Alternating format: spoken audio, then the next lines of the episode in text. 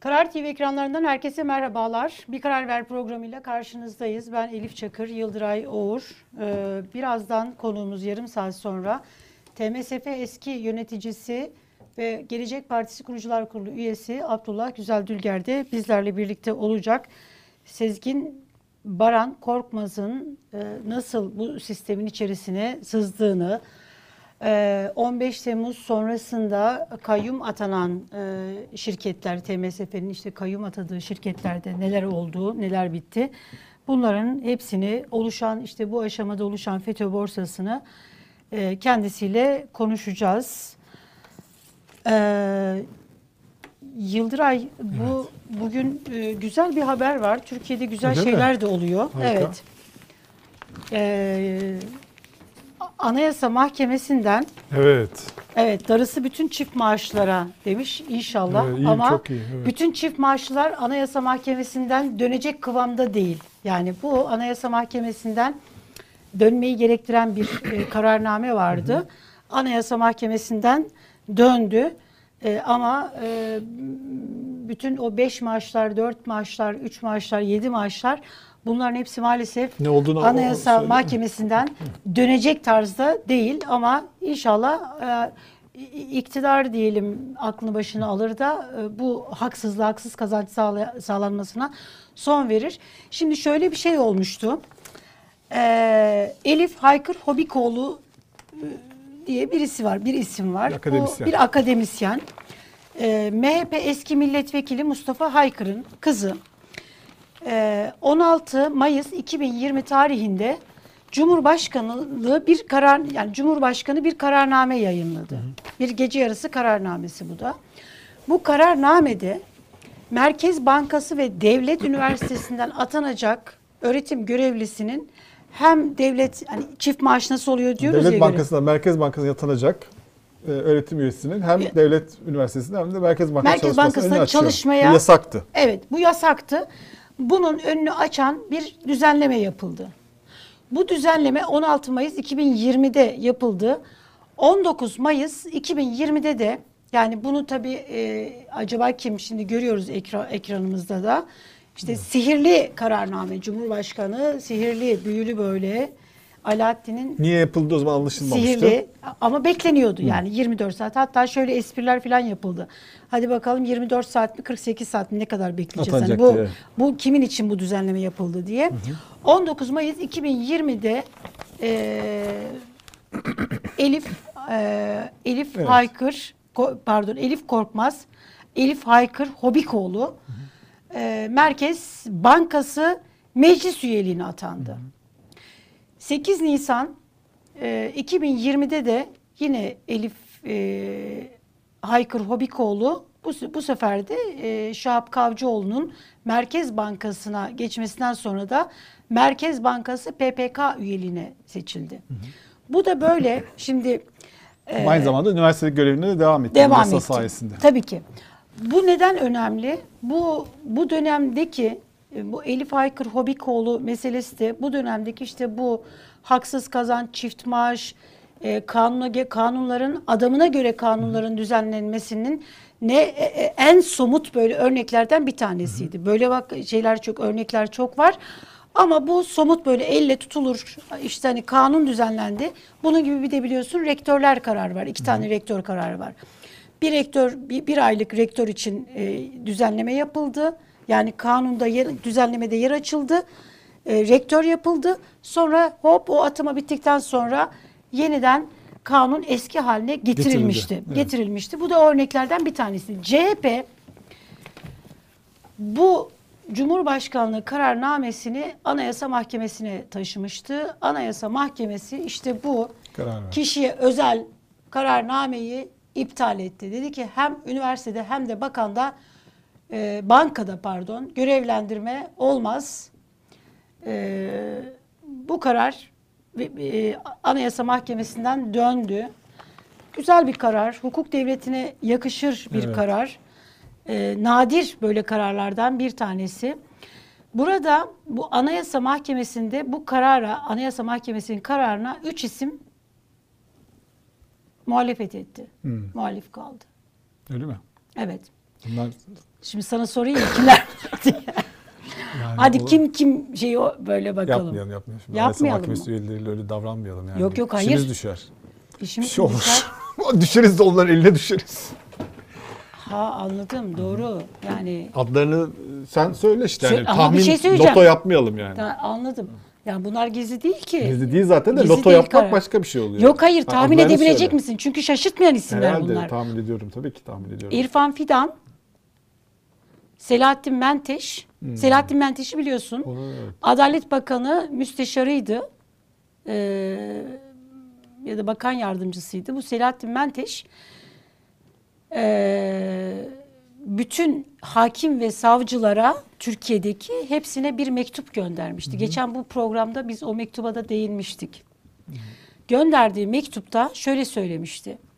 Anayasada hakimler tarafsız ha- e, hakimlerin tarafsızlığı e, bağımsızlığı anayasada anayasamızda e, güvence altına alınmıştır. E, hiçbir yetkili, hiçbir işte güç odağı e, hakimlerin kararını etkileyemez.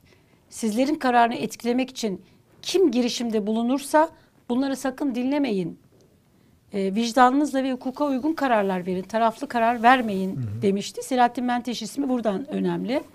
Ve Rıdvan Güleç ben bu ismi tanımıyorum. Bu düzenlemenin Seni yani Cumhurbaşkanı üst düzey yargı var demek ki. ya tan- tanıma derken hani Yani- kararlarından tanıma. onu evet, diyorum. evet. Kötü bir şey demedim Çünkü ya. şey takip etme anlamında. Evet. Hiç çünkü ismine bu mesela hani Anayasa Mahkemesi'nin kararlarında da çok böyle hani e, dikkatimi çeken bir isim olmamıştı. Bu Cumhurbaşkanı karar, kararının bu düzenlemenin anayasaya aykırı olmadığını e, Tespit şey söylemişler bu üç isim. Bu ilginç yani. Cumhurbaşkanı kararnamelerinde genelde Anayasa Mahkemesi böyle kararlar veremiyor. Bu önemli. Hem de bir dediğin gibi çift maaş meselesinde de bir e, şey oluyor. Örnek bir olay oluyor.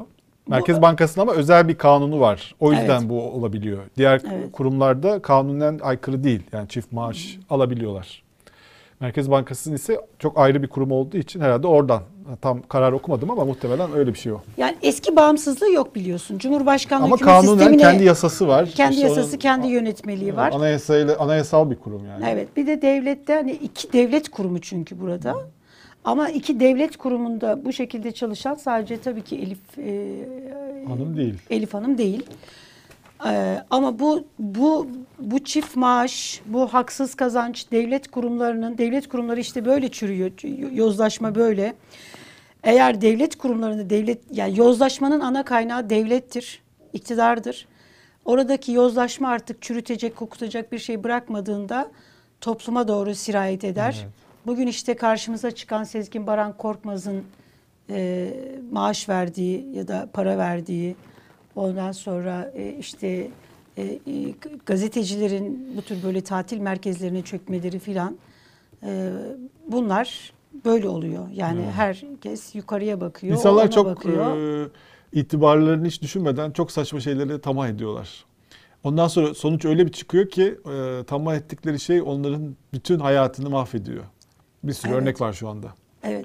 Yani Düşünsene. senin şimdi Evet. biz mesela şu anda şey bir konumdayız. Yani gazetecilik Evet. çok sorumluluk gerektiren bir meslek ama aynı zamanda topluma konuşma hakkını elde ediyorsun. Toplumla Evet. konuşma, haber yapma bunlar çok büyük ayrıcalıklar. eleştirmeye yakını Evet, bile yani olsa. Türkiye ortalamasının da bir miktar üstünde gazeteciler e, yani tabii muhabir düzeni değil ama biraz daha hani emektar olan gazeteciler para kazan kazanabiliyorlar. Yani hayatlarını devam ettirebiliyorlar. Yani çok böyle inanılmaz paralar kazanılmıyor tabii ki bu sektörde. Eskiden öyleymiş yani. Öyle bir dönemde Eskiden varmış. ama orada da çok az kişi kazanmış. Evet, köşe yazarları daha çok böyle eskiden. Şimdi de yani çok yine de e, yani Türkiye ortalamasının üstünde bir sektör bu. Yani e, bununla yetinmiyorsun. Evet. E, daha fazlasını buradaki itibarla yetinmiyorsun. İtibar seni tatmin etmiyor yani. İtibar Evet.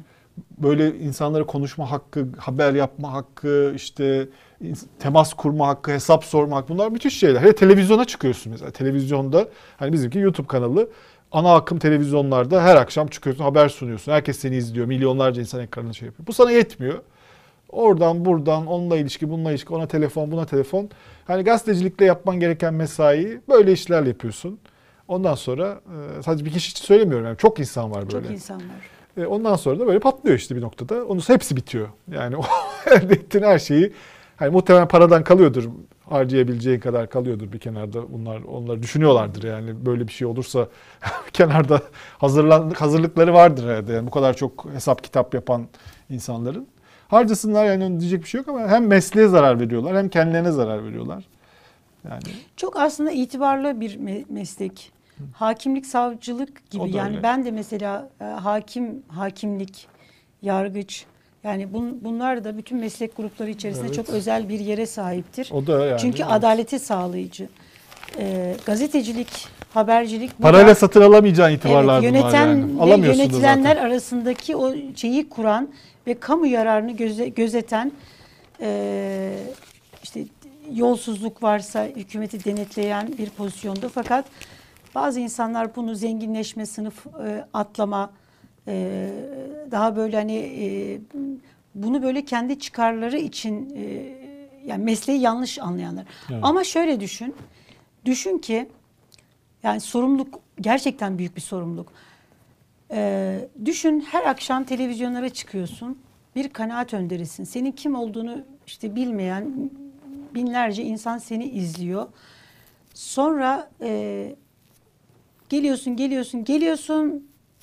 Bir yerde patlıyorsun ve hani bütün o böyle hani sana güvenen güven kaybı, itibar kaybı, ee, Evet. En önemli şeylerden birisi. Yani aynaya bakamamak, çocuklarının yüzüne bakamamak. Düşün yani e, acayip bir şey ya. Şimdi bu Neyse. e, Sezgin Baran Korkmaz iddianamesinde ilginç bir paragraf var. Çok ilginç paragraf. Bugünün ben de bunu aslında e, hatta yazmayı düşünüyordum da vazgeçtim sonra.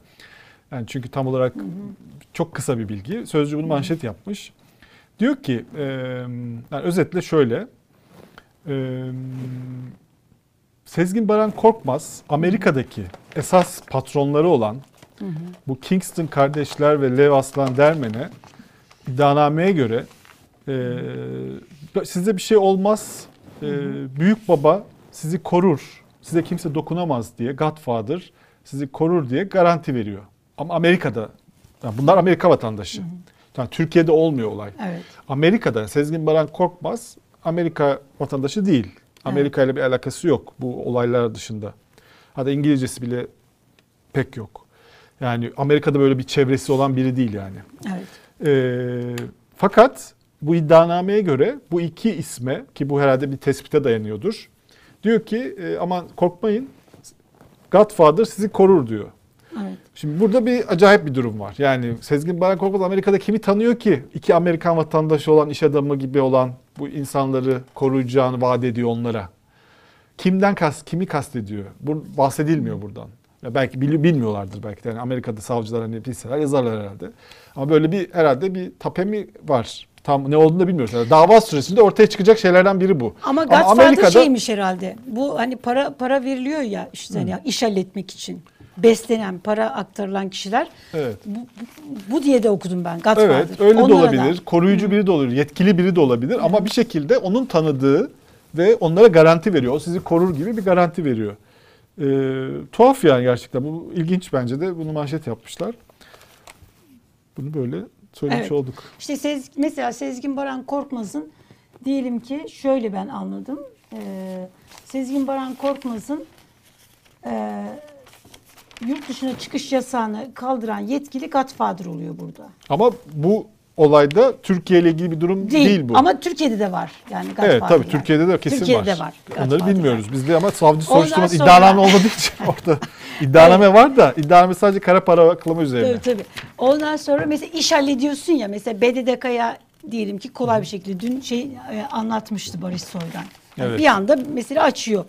Orada e, o BDDK'daki o böyle hani bütün o şeyleri kapıları açan kişi Godfather oluyor. Evet. Yani buradaki Godfather'lar e, bir böyle hani şey olarak onu e, isim olarak okudum. Bu arada aşının ismi bulunmuş. Evet hayırlı olsun. Turkovak. Bir anda ben şeyle karıştırdım bunu. Ee, Turk Turkovak. Ya dedim bir şey vardı Turko Turko Torku ile karıştırmışım. Torkuvak gibi filan. Kola Turka gibi biraz. Kola Turka gibi ona benziyor. Ee, ha- hayırlı uğurlu olsun. Ee, acaba dedim Turkovak böyle hani şey olunca Devlet Bahçeli mi koydu ismini diye düşündüm ama e, şey yapamadım. Fatih Tezcan bir e, video yayınlamış. Dinledin mi bunu bilmiyorum. Dinlemedim, hayır. Ben de sabah gördüm. Şöyle bir şey söylüyor. Diyor ki Veys Ateş'in diyor 10 milyon ne 10 milyon eurosu diyor. Bunlar diyor buzdağının görünen kısmı. Bir diyor patlamaya başlarsa diyor Türkiye altında kalır. Hani patladığı Allah. zaman evet kaçın diyor siper alın ve kendinizi koruyun. Ben diyor bu yüzden diyor bu şeyin mekanizmanın içerisinden kaçtım da akademiler işte kendim para kazanmak için Akademi mi? e, böyle bir siyaset akademisi falan kurmuş. Hmm. Böyle şeyler yapmış. Keşke mekanizma içinde kalsaydı. Yani Hangisi ne fark daha ediyor? zararlı onu şey Evet. yapamadım tam. Evet. Ee, şey, şey de Sözcü Gazetesi'ni bana verebilir misin? Sözcü Tabii. Gazetesi'nde Buyurun. e, Saygı Öztürk'ün bir yazısı var. Saygı Öztürk yine şey yazmıştı. Ee,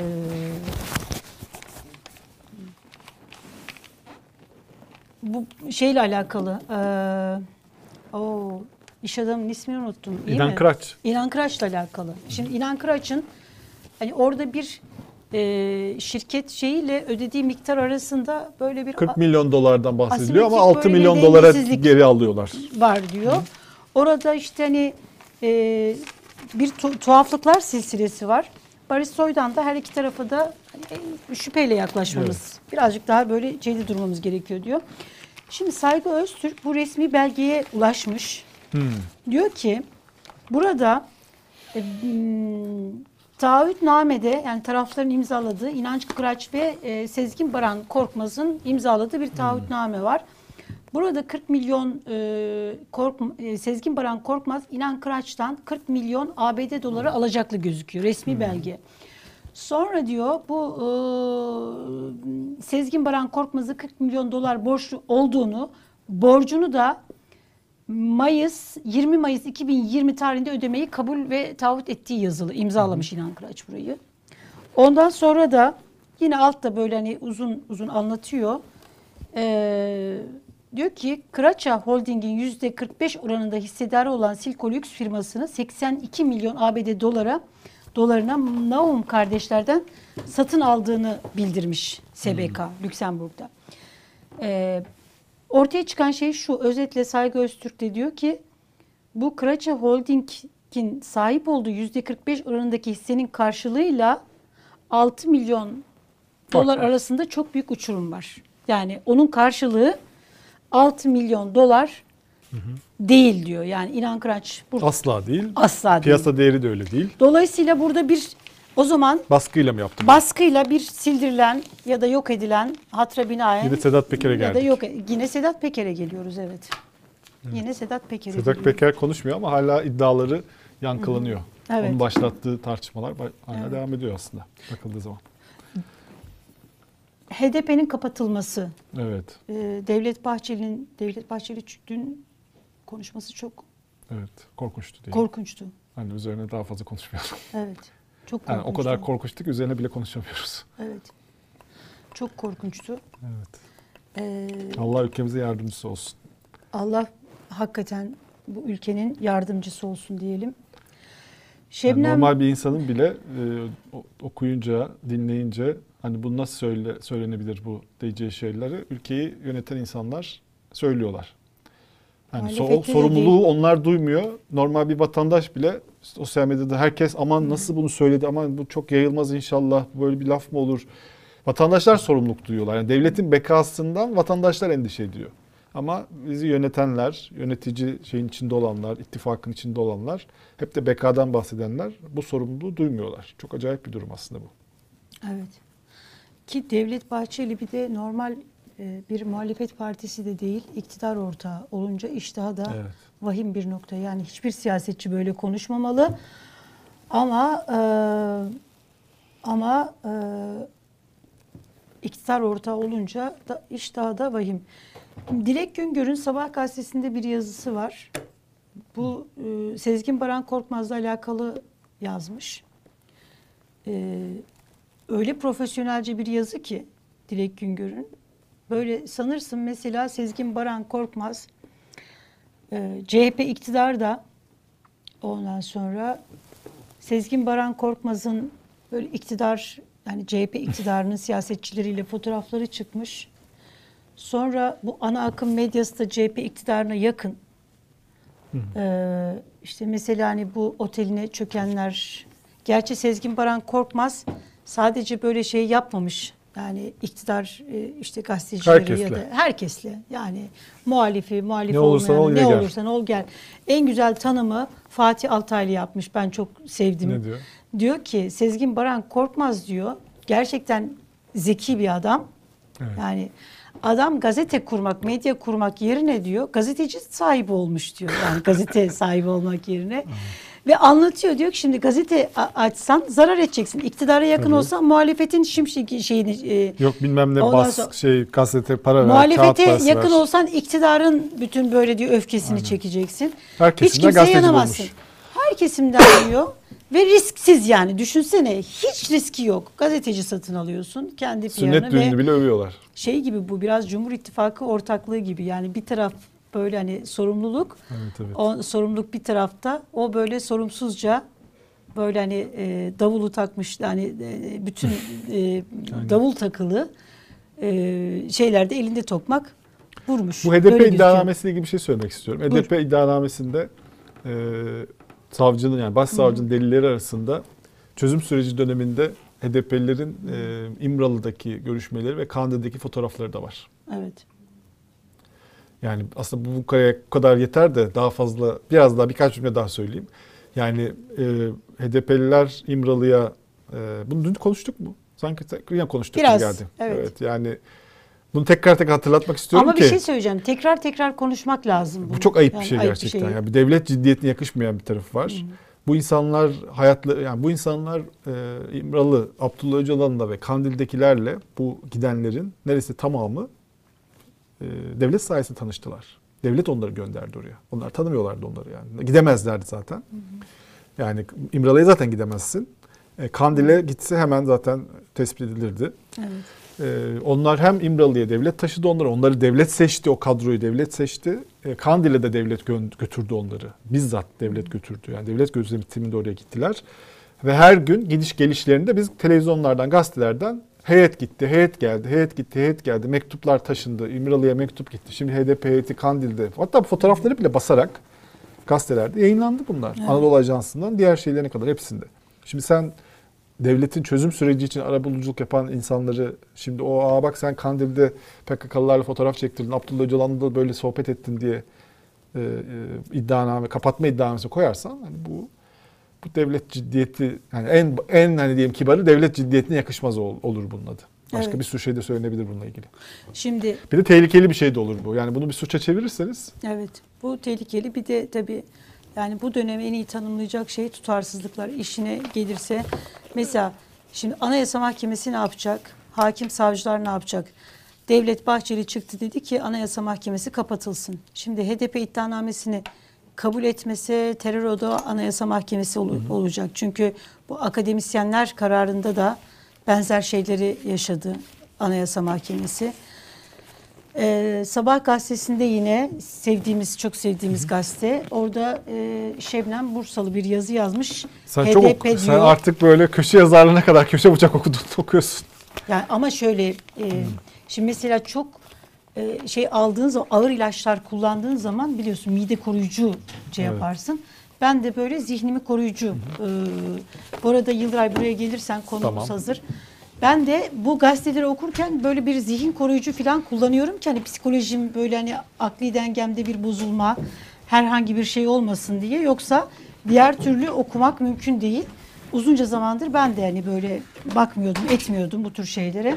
Fakat e, programın doğası gereği bir de gerçekten görmek de gerekiyor.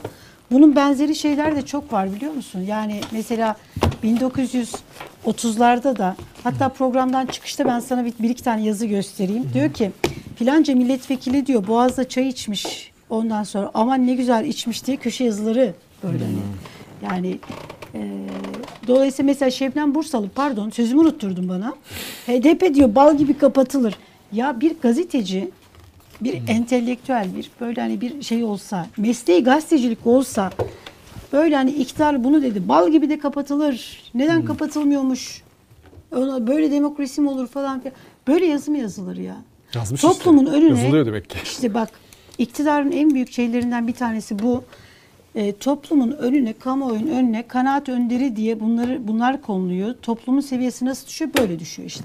Hoş geldiniz. Hoş bulduk. Abdullah Bey. geldiniz. Teşekkür ederim. Hoş bulduk. Nasılsınız? Çok iyiyim. Ee, Memleket gibi Sizlerle birlikte sizin gibi e, bir kere temiz e, gazetecilerle sadece gazetecilik işini yapan gazetecilerle bir araya geldiğim için ve bu platformda sizlerle e, memleket meseleleri e, halkımızı ilgilendiren, yakından ilgilendiren konuları konuşacağım için çok mutluyum.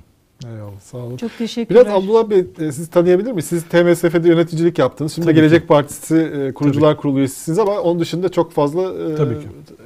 tanınmıyorsunuz. Ee, Ben e, o 20 yıla yakın e, finans sektöründe yönetici olarak e, e, e, bankacılık sektöründe tecrübe kazandım, özel sektörde. E, Daha sonra bir 4 yıl e, bir bilişim firmasında e, finans direktörlüğü yaptım. Arkasından da bu, bu mesleğe başlarken de devlette çalışma, devlete hizmet etme, bir nevi devlete olan borcumu ödeme anlamında bir içimde bir eksiklik hissettim. Hep özel sektörde patrona bağlı çalışma ve onların performans, onların performanslarına değil mi ama bunlar? Evet, banka. Banka, özel banka. Yani evet, kurumsal yapılar Hı hı. E, da çalıştım. Önce Ziraat Bankası'nda başladım. Sonra e, bir e, özel sektörün büyük bankalarından birisinde müfettişlik şube müdürlüğü, bölge müdürlüğü gibi seviyelerde görev yaptıktan sonra TMSF'de tahsilat ve finansman daire başkanlıkları yaptım.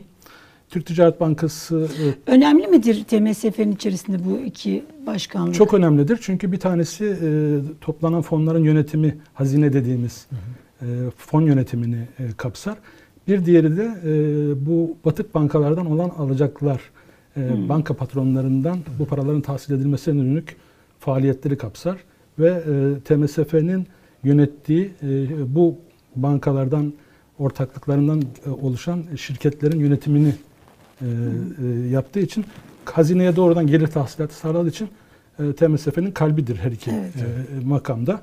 O makamlarda görev yaptım. Bu süreçte TMSF'nin el koyduğu Dijitürk, e, Çukurova grubuna ait Dijitürk'ün e, yönetimi, e, rehabilitasyonu ve satışı süreçlerini yönettim. Arkasından Bankasya, FETÖ e, e, bankası olarak bilinen Bankasya'nın e, el konulması, satışa hazırlığı, satış e, denemesi ve e, 15 Temmuz darbe girişiminden sonra da bankanın tasfiyesine e, dönük e, görev aldım. Bu süreçte de e, bir diğer e, FETÖ ile irtibatlı, iltisaklı olduğu e, düşünülen şirketler, işte TMSF'ye devredilen, e, önce e, mahkemelerin kayyum atadığı, o kayyum yönetimlerinde çok başarılı olunamayıp TMSF'nin tecrübesine dayalı olarak TMSF yeni bir iş çıktı aslında. Evet, evet TMSF yeni bir alan açıldı.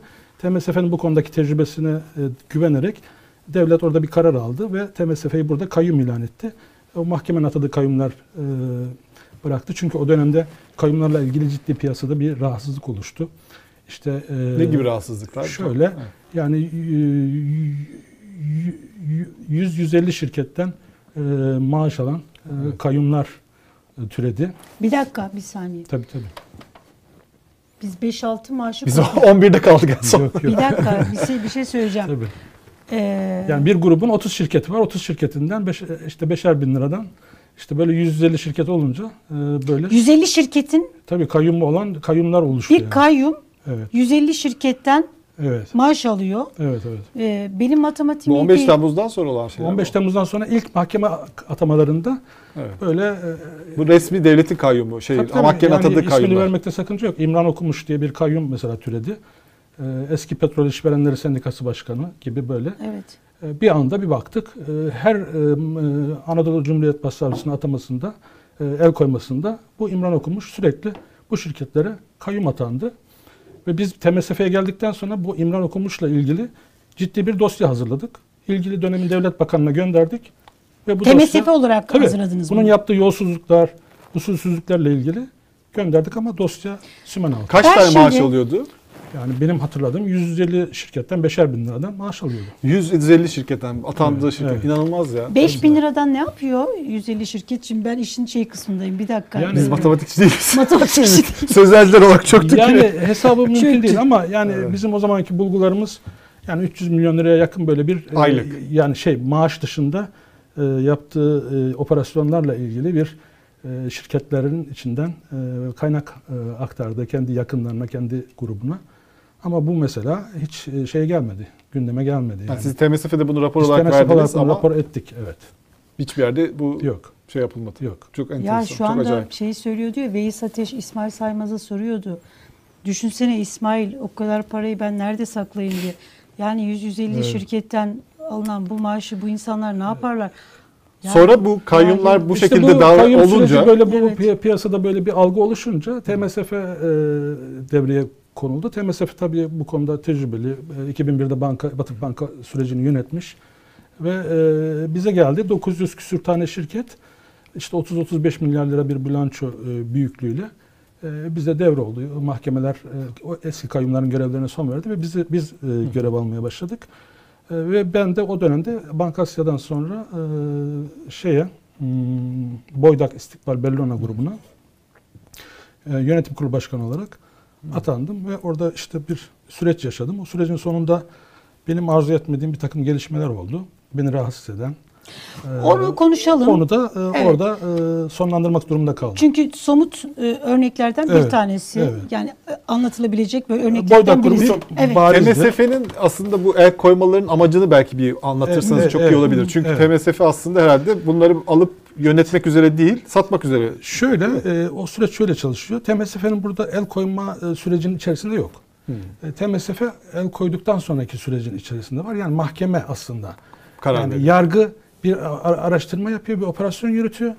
e, Bir iddianame hazırlıyor. Bu şirketlerin FETÖ ile iltisaklı olduğuna dair bir karar alıyor. Kanun gereği de bunun kayyum olan şirket FETÖ'ye yönlen e, şey FETÖ şirketi olar- olarak TMSF'ye yönlendiriyor. TMSF orada e, devreye giriyor. Bu şirketlerin idari mekanizmalarına nüfuz ediyor. Yönetim kurullarına atıyor. Bu yönetim kurullarına atıldıktan sonra bu şirketleri yönetmeye başlıyor. Kayyum sıfatıyla. E, Oradaki amaç bu şirketlerin değerlerini kaybetmemesi, mevcudiyetlerini, varlıklarını koruması, e, mahkemenin karar alma sürecinin, e, hukuki süreçlerinin tamamlanıncaya kadar olan dönemi yönetmek üzere. Yönetmek. E, Mahkeme eğer müsaade kararı alırsa e, şirketin e, hisselerinin hazineye devri, eğer aileye tekrar e, şirket sahiplerine iadesi yönünde karar alırsa da bu sefer onlara iade yönünde bir e, şey var, mükellefiyeti var TMSF'nin. TMSF bir nevi koruyucu hekimlik yapıyor orada. Ama e, tabii ki örneklere baktığımız zaman, uygulamaya baktığımız zaman burada koruyucu hekimlik e, hepsinde işlemiyor. Bazı şirketlerde kötü yönetimler, suistimaller, yolsuzluklar, e, emniyeti suistimaller e, söz konusu.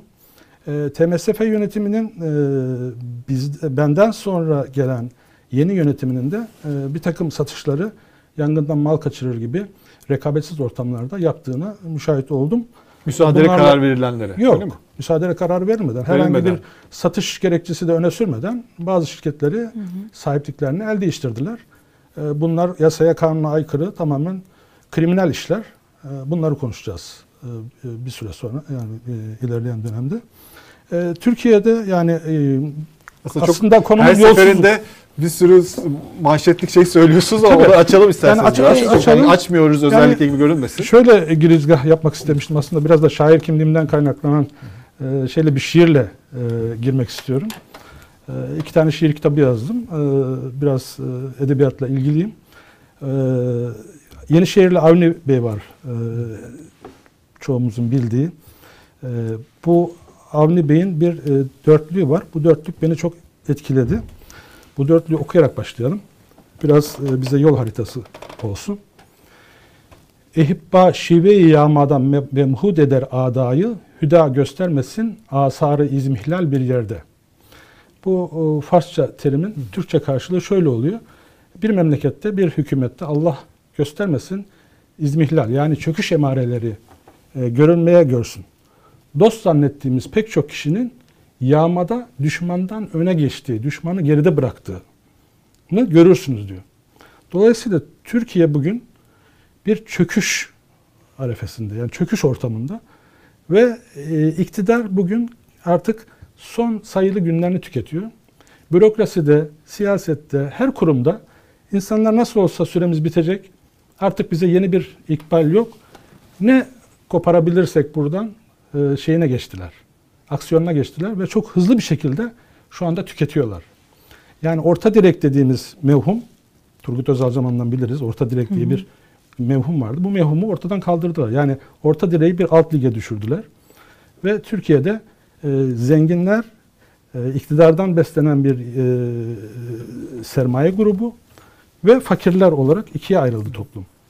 E, bu e, gidişat çok kötü ama bu e, yolsuzluk bu zamana özgü bir şey mi diye baktığımda da e, mesela e, şöyle bir tarifle karşılaştım bir kitap e, okumamda. Bayağı üzerine düşünmüşsünüz bu Tabii, tabii. yaşadıklarınızın Tabii tabii anlamlandırmak çok, için. Beni çok e, yani siyasete sokan sebep de bu yolsuzluklara ilişkin e, aldığım tavırdır yani yaşadığım e, tecrübeler.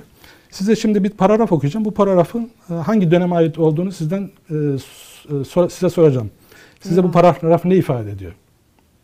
Diyor ki halk cehalet içinde olup kanun ve nizamların hükümlerine riayet duyguları gün be gün zayıflıyor. Hakimlere verilen talimatların faydası görülmüyordu.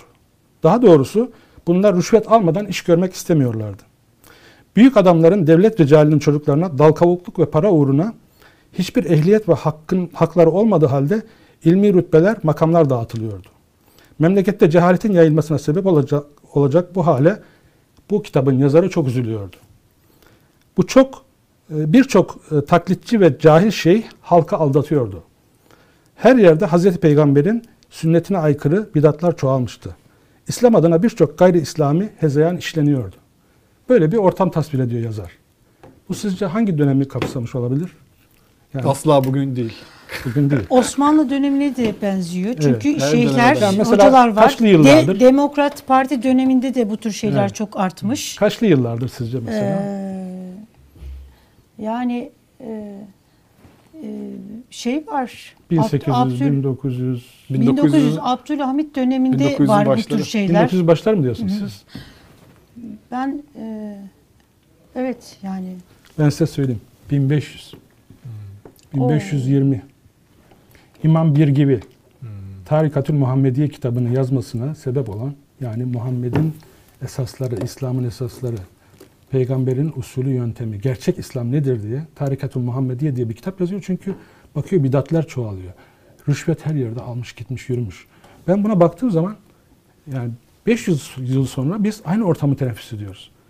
Yani biz bu sorunları çözememişiz. Dün de vardı, bugün var. Yarın olmaması için siyasetteyim. Evet. Şimdi bu e, Evet. bunlara en sonunda tekrar dönelim. E, hı. Tam olarak sizin yaşadığınız e, TMSF tecrübesini biraz daha ayrıntılandırabilir Evet. misiniz? Tam olarak neler yaşanıyor? Nasıl Peki, oluyor bu TMSF süreçler? tecrübesine mi girelim yoksa Türkiye'de kurumsal yolsuzluk nasıl yapılıyor? Bunu kısa bir Önce bu TMSF'den bir TMSF. bahsedelim. TMSF'den Sonra bahsedelim. Şimdi e, mesela Sezgin şeyden- Korkmaz'dan da bahsederiz Tamam. biraz. Evet. Olur. Yani kayyum önce mahkeme kararıyla yani TMSF nasıl e, devreye girdi bu süreçte? Önce mahkeme kararıyla kayyumlar atandı, iktidar kayyumlar atadı. Sonra orada sıkıntılar çıktı. Yolsuzluk gibi sıkıntılar Evet, sanırım. Somut örnek verdik. Somut zaten. örnekler Somut örnekler. çıktı. Bunlar ayyuka çıkınca Evet. bu, bu kez TMSF, TMSF, devre, devreye TMSF girdi. devreye girdi. TMSF olarak biz o dönemde bize Engelleyebildiniz Ben o mi? zaman TMSF'deydim ve e, TMSF başkanımız çok muteber bir insan. E, onunla birlikte zaten görev yaptım ve e, vicdanımla, e, ahlakımla e, doğru bir e, teşkilatlanma modeliyle iş yaptık. E, ve o dönemde biz mesela TMSF'ye gelen şirketlerin yönetiminde yaşanabilecek sıkıntıları öngördüğümüz için bunların bir yandan da satış sürecine hazırlıklarının yapılması gerektiğini düşündük. Yani bir e, şirketi, e, bir yatırım e, şirketini de, e, de, bu konuda görevlendirip bu şirketleri satışa da hazırlama. Çünkü müsaade kararı verdiği zaman TMSF olarak size satış yön- e, kapısı açılacak ve bunları e, gerekiyor. ihale yöntemiyle e, en iyi değeri verene e, satıp parasını hazineye aktarmak gerekiyor. Ya da e, çünkü yapı, yöneteceğiniz yapılar milyar dolarlık yapılar. Bugün bu Boydak grubu dediğiniz zaman Türkiye'nin ilk 20 şirket arasında. Evet. Siz oraya atadığınız kayyumla bir risk alıyorsunuz. Yani o şirketi e, yani çok e, kötü yönetip e, çok e, değerini düşürüp e, bu sefer e, e, 1 milyar dolardan aldığınız şirketi 500 milyon dolara düşürmek gibi bir e, riskle de karşı karşıyasınız. O yüzden bu yapıları yönetmek e, oradaki e, memurların yapabileceği işler değil. Bunlar nitelikli e, görevler, e, tecrübe gerektiren, bilgi gerektiren, piyasa deneyimi gerektiren görevler. O oralara yönetim kurullarına atama yaptığınız zaman mecburen oradaki daire başkanlarından, işte uzmanlardan vesairelerden yönetim kurulları oluşturuyorsunuz. Bu riski gördüğümüz için satış yönünde e, yaptık. Bir e, e, girişimde bulunduk ama e, bu o, o, dönemki e, bakanlar e, Nurettin Cenikli ve Binali Yıldırım tarafından çok e, şey görmedi. E, kabul görmedi ve o süreci biz e, geriye çekmek zorunda kaldık. Ondan sonra şirketlerin yönetilme süreci başlandı. Başbakan mıydı o zaman Binali Bey? Binali Yıldırım Başbakan'dı. Nurettin Canikli Hazine Bakanı. Nurettin Cenikli de Başbakan Yardımcısıydı. Başbakan yardımcısı. Neden e, Yani e, o şirketleri yönetmek istediler. Yani e, satıştan ziyade daha çok yönetelim, e, e, o süreçleri uzatalım e, gibi bir görüş e, ben e, sezdim. neden? Burada işte e, o şirketler Rant. sonuçta bir ekonomik değer. Evet. E, ben Boydak yönetimine geçtiğim zaman da buradaki e, agresifliği gördüm. Yani 15 Temmuz e, nedir? 15 Temmuz e, bir halkın e, darbeye karşı bir girişimi ve 250 tane şehit verdiğimiz bir ayaklanmaydı değil mi? Darbeydi. Arkasından da işte bu FETÖ şirketleri TMSF'ye devre olduktan sonra siyasetin e, bu şirketlere ilgisi kaçınılmazdı yani. Siyasetin ve onun etrafındaki iş iş aleminin e, birlikte iş tuttukları iş aleminin bu şirketlere ilgisi kaçınılmazdı. Ben de prensip olarak yönetim kurulu başkanı olduğum zaman Boyda şöyle bir prensip belirledim. Yani e, tamam e, iktidardan gelen talepler olursa e, mesela şu bardak atıyorum e, şu su ne kadar? 1 lira. Bu 1 lirayı ben e, bundan tedarik ediyorsam e, partiden birisi gelip bunu bana tedarik etmek istediğinde 1 liraya eğer 0.90 kuruşa verebiliyorsa benim için bir beis yok. Ben bunu e, yapabilirim. Ama bana 1 liralık aldığım suyu 3 liraya teklif ettiği zaman ben bunu yapmam. Yani bu benim için vicdanıma, ahlakıma, iş anlayışıma uygun değil. Bu prensiple e, hareket ettim ve e, bekliyordum ki böyle nitelikli bir CEO atanır gruba. Ve e, Nurettin Canikli bir CEO gönderdi. 30 yaşlarında Ulusoy Lojistik'te şirket müdürü olan, e, böyle bir şirket tecrübesi olmayan genç beli silahlı bir çocuk gönderdi şeye şirkete. Belinde silahla. Geldi. Daha bir tane koltuk kanepe satmadan hemen gitti bir sponsorluk anlaşmasıyla geldi önüme. Bir bayan basketbol takımının Kayseri'de. Ben de benden önceki kayyumlara sordum. Dedim ki bu basketbol takımı bize sponsorluk için geldi mi size? Evet geldi dediler. Ne kadar istedi sizden dedim. 300 bin lira istedi. Bu CEO'nun getirdiği sözleşme 2 milyon 800 bin liraydı. Ve ben bunu imzalamam dedim. Ve orada ilk krizimizi yaşadık CEO ile. CEO yurt dışına gitti. Şirketin özel uçağı var. THY'nin e, business class uçma imkanı var. Gitti dolaştı geldi bütün işte Rusya, Avrupa, e, ondan sonra Ürdün, Suudi Arabistan. İş görüşmeleri için mi? İş görüşmeleri için gitti. Gitti. Gitti geldi ve 40 bin dolarlık bir özel havayolu şirketinden faturayla geldi. Ben dedim ki bizim özel uçağımız var Boydağa. Bizim Türk Hava Yolları'ndan business class uçma imkanımız var. Sen neden bunları kullanmadın da gittin bir özel havayolu şirketinden 40 bin dolarlık faturayla geldi. Muhasebeye verdi faturayı. Ondan sonra konu bakan beye intikal etti. Ondan sonra faturayı geri çekti. Ben artık rahatsız oldum bu durumdan. Arkasından işte e, reklam duvarları satın alma işine girin. Ondan sonra e, şey projesiyle geldi. E, şirketin 300 tane güvenlik görevlisini dışarı çıkaralım. Tazminatlarını ödeyelim. 5 milyon lira tazminat tutuyor. Ve bunları bir başka güvenlik şirketi üzerinden tekrar işe alalım. Peki dedim e, muhasebeye sordum. Ne kadar bizim güvenlik birim e, güvenlikçi başına maliyetimiz? 3000 lira. Sen kaç paradan sözleşme yapacaksın? 4300 liradan adam başı. Niye dedim? Yani yarın biz bu görevlerden ayrıldığımızda, bu görevleri bıraktığımızda şirket sahibine iade edildiğinde, yani devlete gittiğinde, devlet bir denetim yaptığında e, sen hangi akılla hizmet bu iş, iş, işçileri dışarı çıkardın, 5 milyon lira şirketin kasasına tazminat ödettin. Sonra da 3 bin lira olan maliyetini 4300 liraya e, yükselttin. Bu güvenlik şirketiyle senin aranda ne var? Sorusunun cevabı nedir sende dedim. Kaldı. Ee, ona rağmen bu işleri yapmakta ısrar etti.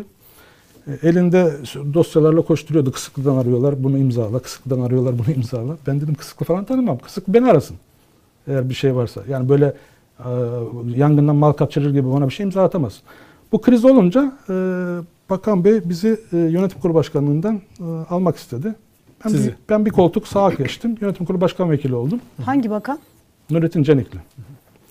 Ee, zaten Nurettin Canikli ile CEO çok yakın gidip gelip görüşüyordu. Ee, ve e, gündelik konuşmalarında hep Burak Erdoğan'ı e, öne atıyordu. Burak Erdoğan'ın arkadaşıyım, Burak Erdoğan'la şöyle arkadaşız, böyle arkadaşız falan diye.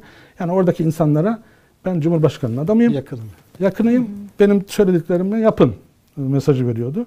Biz getirdiği hiçbir şey imzalamadık. Yani bu bu tarz şeyleri hiç imzalamadık. Kendi imzalarıyla bunları yapmaya kalktı. Sonra ben yönetim kurulu başkanlığından da kaydırıldım.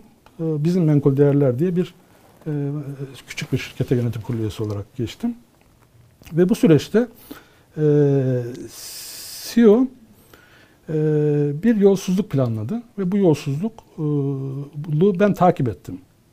Yani bu yolsuzluk neydi? Şirketin e, Boydak grubunun Almanya'da mülk deposu vardı Münih'te. Bu mülk depoyu bırakıp Slovakya'da yeni bir depo kiralama e, icat etti CEO. Ve bunu yönetim kuruluna e, anlattı bir proje olarak. Yönetim kurulu başkanını ben uyardım. O zaman benden sonra yönetim kurulu başkanı olan e, yönetim kurulu başkanını uyardım. Bakın dedim bu proje sıkıntılı. Projeyle ilgili e, detaylara girdiğimizde de Slovakya Ticaret Odası'ndan şirketin verilerini indirdik. Ve CEO'nun Slovakya'da kendisinin lojistik müdürüyken kurduğu bir şirketi olduğunu bulduk. O şirketin kanuni temsilcisine yeni bir şirket kurdurduğunu tespit ettik. İnanılmaz. Bu şirketle de Boydak arasında bir sözleşme imzaladığını, imzalatmak istediğini anladık. Yıllık 1,5 milyon euro artı ucu açık masraflarla 10 yıllık geri dönülemez bir sözleşme imzalatmaya kalktı. Kendi grubu. şirketiyle aslında. Kendi şirketiyle tabii. Ve şirketin ismini de bu hani me- meşhur Arsène Lupin vardır böyle e, e, muzip hırsız. Yani bu da hırsızdı ve muzipti. Tefela diye kuruyor şirketin ismini. Bakıyoruz e, Tunç e, İsmini vermeyin ama. yani şeyi, şey yok yok kendi ailesinin çocuğunun çocuğun ismini baş harflerini koyuyor. Aa. Tunç Efe Laçinel. Tefela. Tunç Efe Laçinel diye şirket kuruyor. Bunu biz e, bi- bilemeyeceğiz. Biz çok safız. O çok akıllı. Tefela diye şirket kuruyor. O şirketle Boydak arasında sözleşme imzalıyor. Yani sahtekarlık yapmaya çalıştığı şirkete çocuğun adını vermiş. Slovakya'da kurdurduğu. Evet işte Arsene yabancı Lupin, onun, için- onun için Arsene Lupin diyorum. Of, of. Böyle de bir e, şey bırakıyor, iz bırakıyor yani. Ben bunu tespit ettim. Yönetim kurulu başkanıyla paylaştım. Yönetim kurulu başkanı gitti, dinledi e, sunumunu CEO'nun ve arka, oradaki e, yönetim kurulu üyeleri ki bugün bir tanesi TMSF'nin başındaki zattır. Muhittin Gülal. E, o zaman BDDK'da kurul üyesi. E, ben e, bizim menkul kıymetlere geçtikten sonra Muhittin Gülal e, be- benim yerime yönetim kurulu başkan vekili olarak atandı. Şimdi yönetim kurulu başkanı var ve şirketin imza sürküleri şunu içeriyor. Yönetim kurulu başkanı önemli işlerde yönetim kurulu başkanı ve Evet. başkan vekiliyle diğer üyeler imza atabilirler. Yani yönetim kurulu başkanı imza atmadan hiçbir önemli karar alınamaz. Şirketin imza sürküleri biz geldiğimizde böyleydi. Ee, Ben yönetim kurulu başkanından ayrıldıktan sonra yeni yönetim kurulu başkanı da benimle birlikte aynı tandansta olduğu için Nurettin Canikli e, müdahale etti imza sürkülerine. Ve yönetim kurulu başkanı veya başkan vekili diye ve olan şeyi bağlacı veya'ya dönüştürdü. Böylelikle yönetim kurulu başkanını bypass etti. Yani bu demek ne demektir? Yönetim kurulu başkanı olmadan yönetim kurulu başkan vekili ve diğer yönetim kurulu üyeleri karar alabilirler önemli işlerde. Bu da önemli işlerdendi. Yani bu bahsettiğim sözleşme. Ve e, Nurettin Canikli'nin bu imza sürüklerine yaptığı müdahaleyle bunun önü açıldı. Yönetim kurulu başkanı o toplantıda o CEO'nun yolsuzluk yaptığını biliyordu ve diğer yönetim kurulu üyelerine şöyle dedi. Yani kendisinin ağzından beyanını söylüyorum. Ben çünkü yoktum o toplantıda.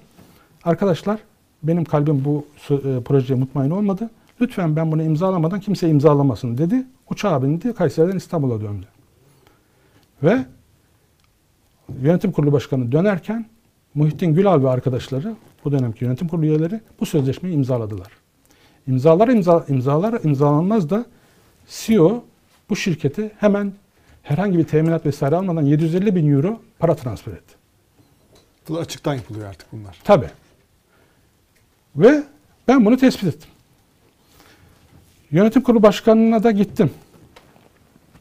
TMSF'deyiz, aynı binadayız. Burada yani şöyle bir Sayın hatırlatma yapma, yapma- yapalım. Biz hani YouTube'da yayın yapıyoruz ama yine de bu öyle bir hatırlatma yapmamız lazım. Yani burada adı geçen insanlar hani bağlayabilir miyiz bilmiyorum. Bizim Tabii, bir tabii. sistemimiz var Ben- ama ben- cevap hakları ben- kullanabilirler. ben- Sonuçta ben çok somut netim. insanlardan Ben, ben, bahsediyorsunuz. ben çok çünkü. netim yani arkasında duramayacağım şeyleri söylemem. Ee, yönetim kurulu başkanına gittim. Dedim ki e, bu dedim imzaladı. Muhittin Gülal bu sözleşmeyi imzaladı. Nasıl olur dedi. Evet dedim. Ve Muhittin Gülal hemen 20 metre öte, e, 50 metre öte, ötede e, BDDK binasında. E, yönetim kurulu başkanı çağırdı Muhittin Gülal'ı. Ben yoktum o odasında ama ona sordu. Neden bu sözleşmeyi imzaladım? Ben size imzalamayın demedim mi dedi. Onun verdiği cevap neydi? Ya imzalayacaktım ya istifa edecektim. Ne demek bu?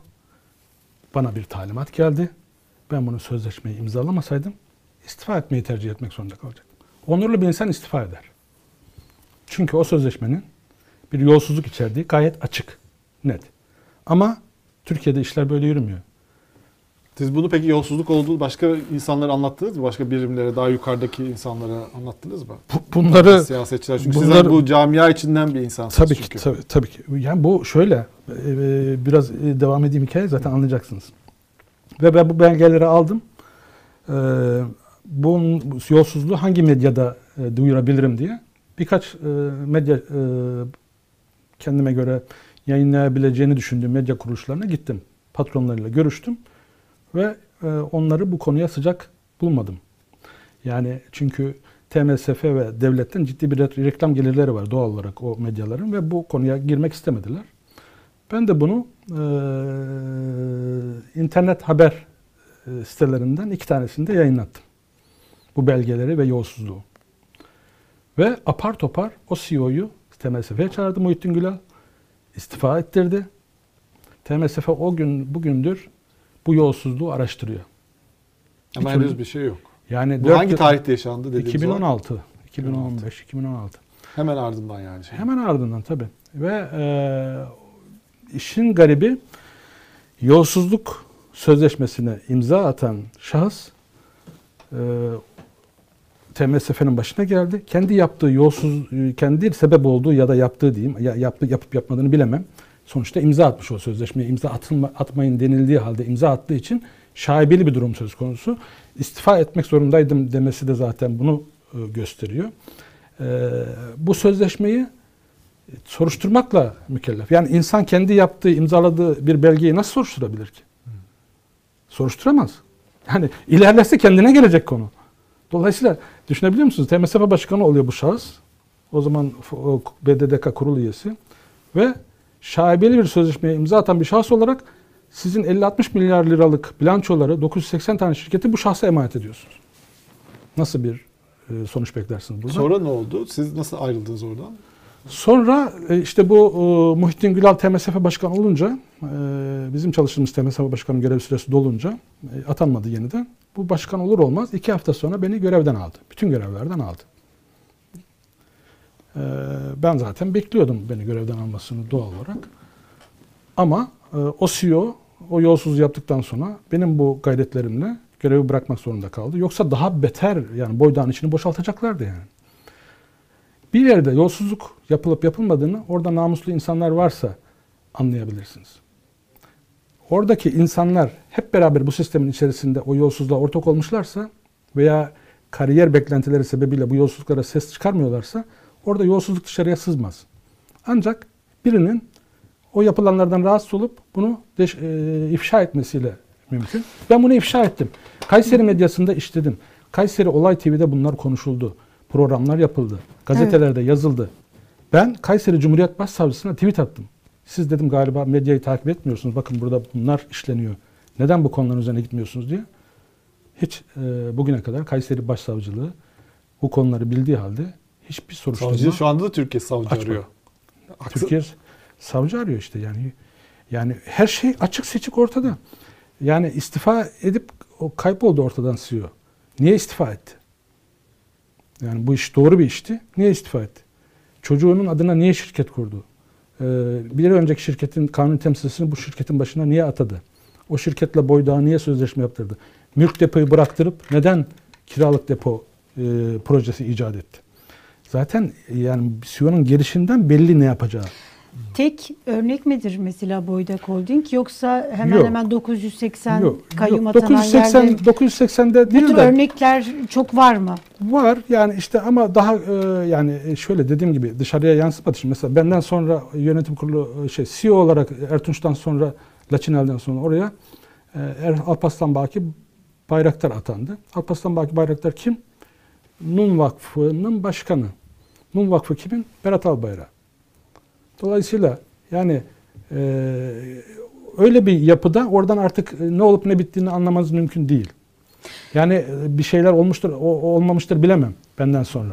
Evet. Ama e, bir yerde bir şeyin açığa çıkması için e, bir e, gözü kara e, veya o işlerden rahatsız olan bir insan olması gerekiyor. Öbür türlü mekanizma işler gider. Siz Şimdi- ondan sonra TMSF'den ayrıldınız mı? TMSF'den ayrıldım. Ondan sonra emekli oldum. E, kendi özel Hangi yıl işlerim. oluyor bu? 2017'de. 17. Bayağı oldu aslında bu Tabii, olaylar üç, üzerinden. tabii 4 yıl oldu. İşte hala ara sıra soruyorum ben işte medyayı bazen gıdıklıyorum. Diyorum ey TMSF Başkanı cevap ver. E, Nurettin Canikli cevap ver. Sen bu imza sirkülerini değiştirdin mi? E, ondan sonra e, Muhittin, e, Muhittin Gülal sen bu CEO'yu gönderdin mi? Gönderdin. Bu sözleşmeyi imza attın mı? Attın. Bu, sözleşme- bu işi soruşturuyor musun? Soruşturuyorsun. 4 yılda bir soruşturma nasıl bitmez? Alfema grubunun e, sahibi FETÖ iddiasıyla e, davası görülen şahıs TMSF'ye e, kayyumlarla ilgili suç duyurusunda bulunuyor. E, Bugün inceliyoruz, yarın inceliyoruz, öbür gün soruş, e, e, sonuçlandıracağız diye uzatıp gidiyorlar. Kayyumlar e, bunların Alfema ma- mağazalarından %50'nin üzerinde indirimli e, ürünler almışlar etraflarına, akrabalarına, sağına, soluna. E, Adam da diyor ki benim şirketimi bunlar e, suistimal ediyorlar diye TMSF'ye e, suç duyurusunda bulunuyor. TMSF hala mesela sonuçlandırmış değil. Hiçbir şey sonuçlandırılamıyor. Yargı bugün e, bütün alıcılarını, bütün hassasiyetlerini kaybetmiş. Talimatla işlem yapıyor yargı. E, ben mesela bir e, hakim tanıdım. Hakim e, FETÖ soruşturması olan birisini e, tutuk e, tutukluyor.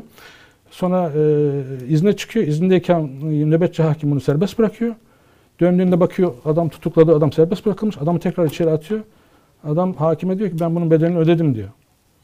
Özgürlüğümün. Buradan da işte FETÖ borsası dediğimiz Ha, işte ona gelelim geçiyoruz. biraz. Yani çünkü Ha. bu böyle bir sistem varsa eğer yani böyle şirketlere konmak işte insanlar böyle Tabii ki. suçlamalar oluyor. Şirketlerin mallarını kaybediyorlar. Bu- Bunun da bir sektöre dönme ihtimali e, hep olabilir. E, Tabii ki. Bunu biraz anlatabilir misiniz? Tam olarak ne ne nasıl yürüyor bu sistem? Şimdi e, bu FETÖ ile iltisaklı dediğimiz e, da bir- yapılar, yapılar e, müphem bir kavram aslında. Tabii. İltisak, irtibat dediğimiz Yani hukuki bir tabir bile değil aslında. Yani evet yani öyle olduğu düşünülen yapılar üzerine e, gidiliyor. E, gidilirken e, burada benim piyasada gördüğüm yani piyasada konuşulan edilen işte bazılarının kayrıldığı e, ve özgürlüklerini satın aldıkları yönünde. Yani nasıl oluyor bu? E, diyelim siz 3-5 milyar dolarlık bir iş adamısınız. Ve mesela bir tanesini biliyorum. Bankasya'da görev yaparken bunu kayıtlardan gördüm. Yani işte Bankasya'da 150 milyon lira kredisi var. Ee, Bir başka özel sektör bankasından kredi kullanıyor o dönemde. Bankasya'daki kredisini kapatıyor. Böylelikle Bankasya'nın daha çok e, Destek vermiş oluyor destek bankası. vermiş oluyor. Şimdi orada 50 lira, 100 lira, 1000 lira e, parası e, olan ya da parasında artış olan insanları e, KHK'larla ondan sonra işte hak mahrumiyetleriyle tehdit eden bir adalet mekanizması. E, burada 150 milyon lira bir e, kaynak transfer eden yapıyı birkaç gün gözaltına alıp serbest bırakıyor. Yani bu anlaşılabilir e, bir şey değil. Çok net yani.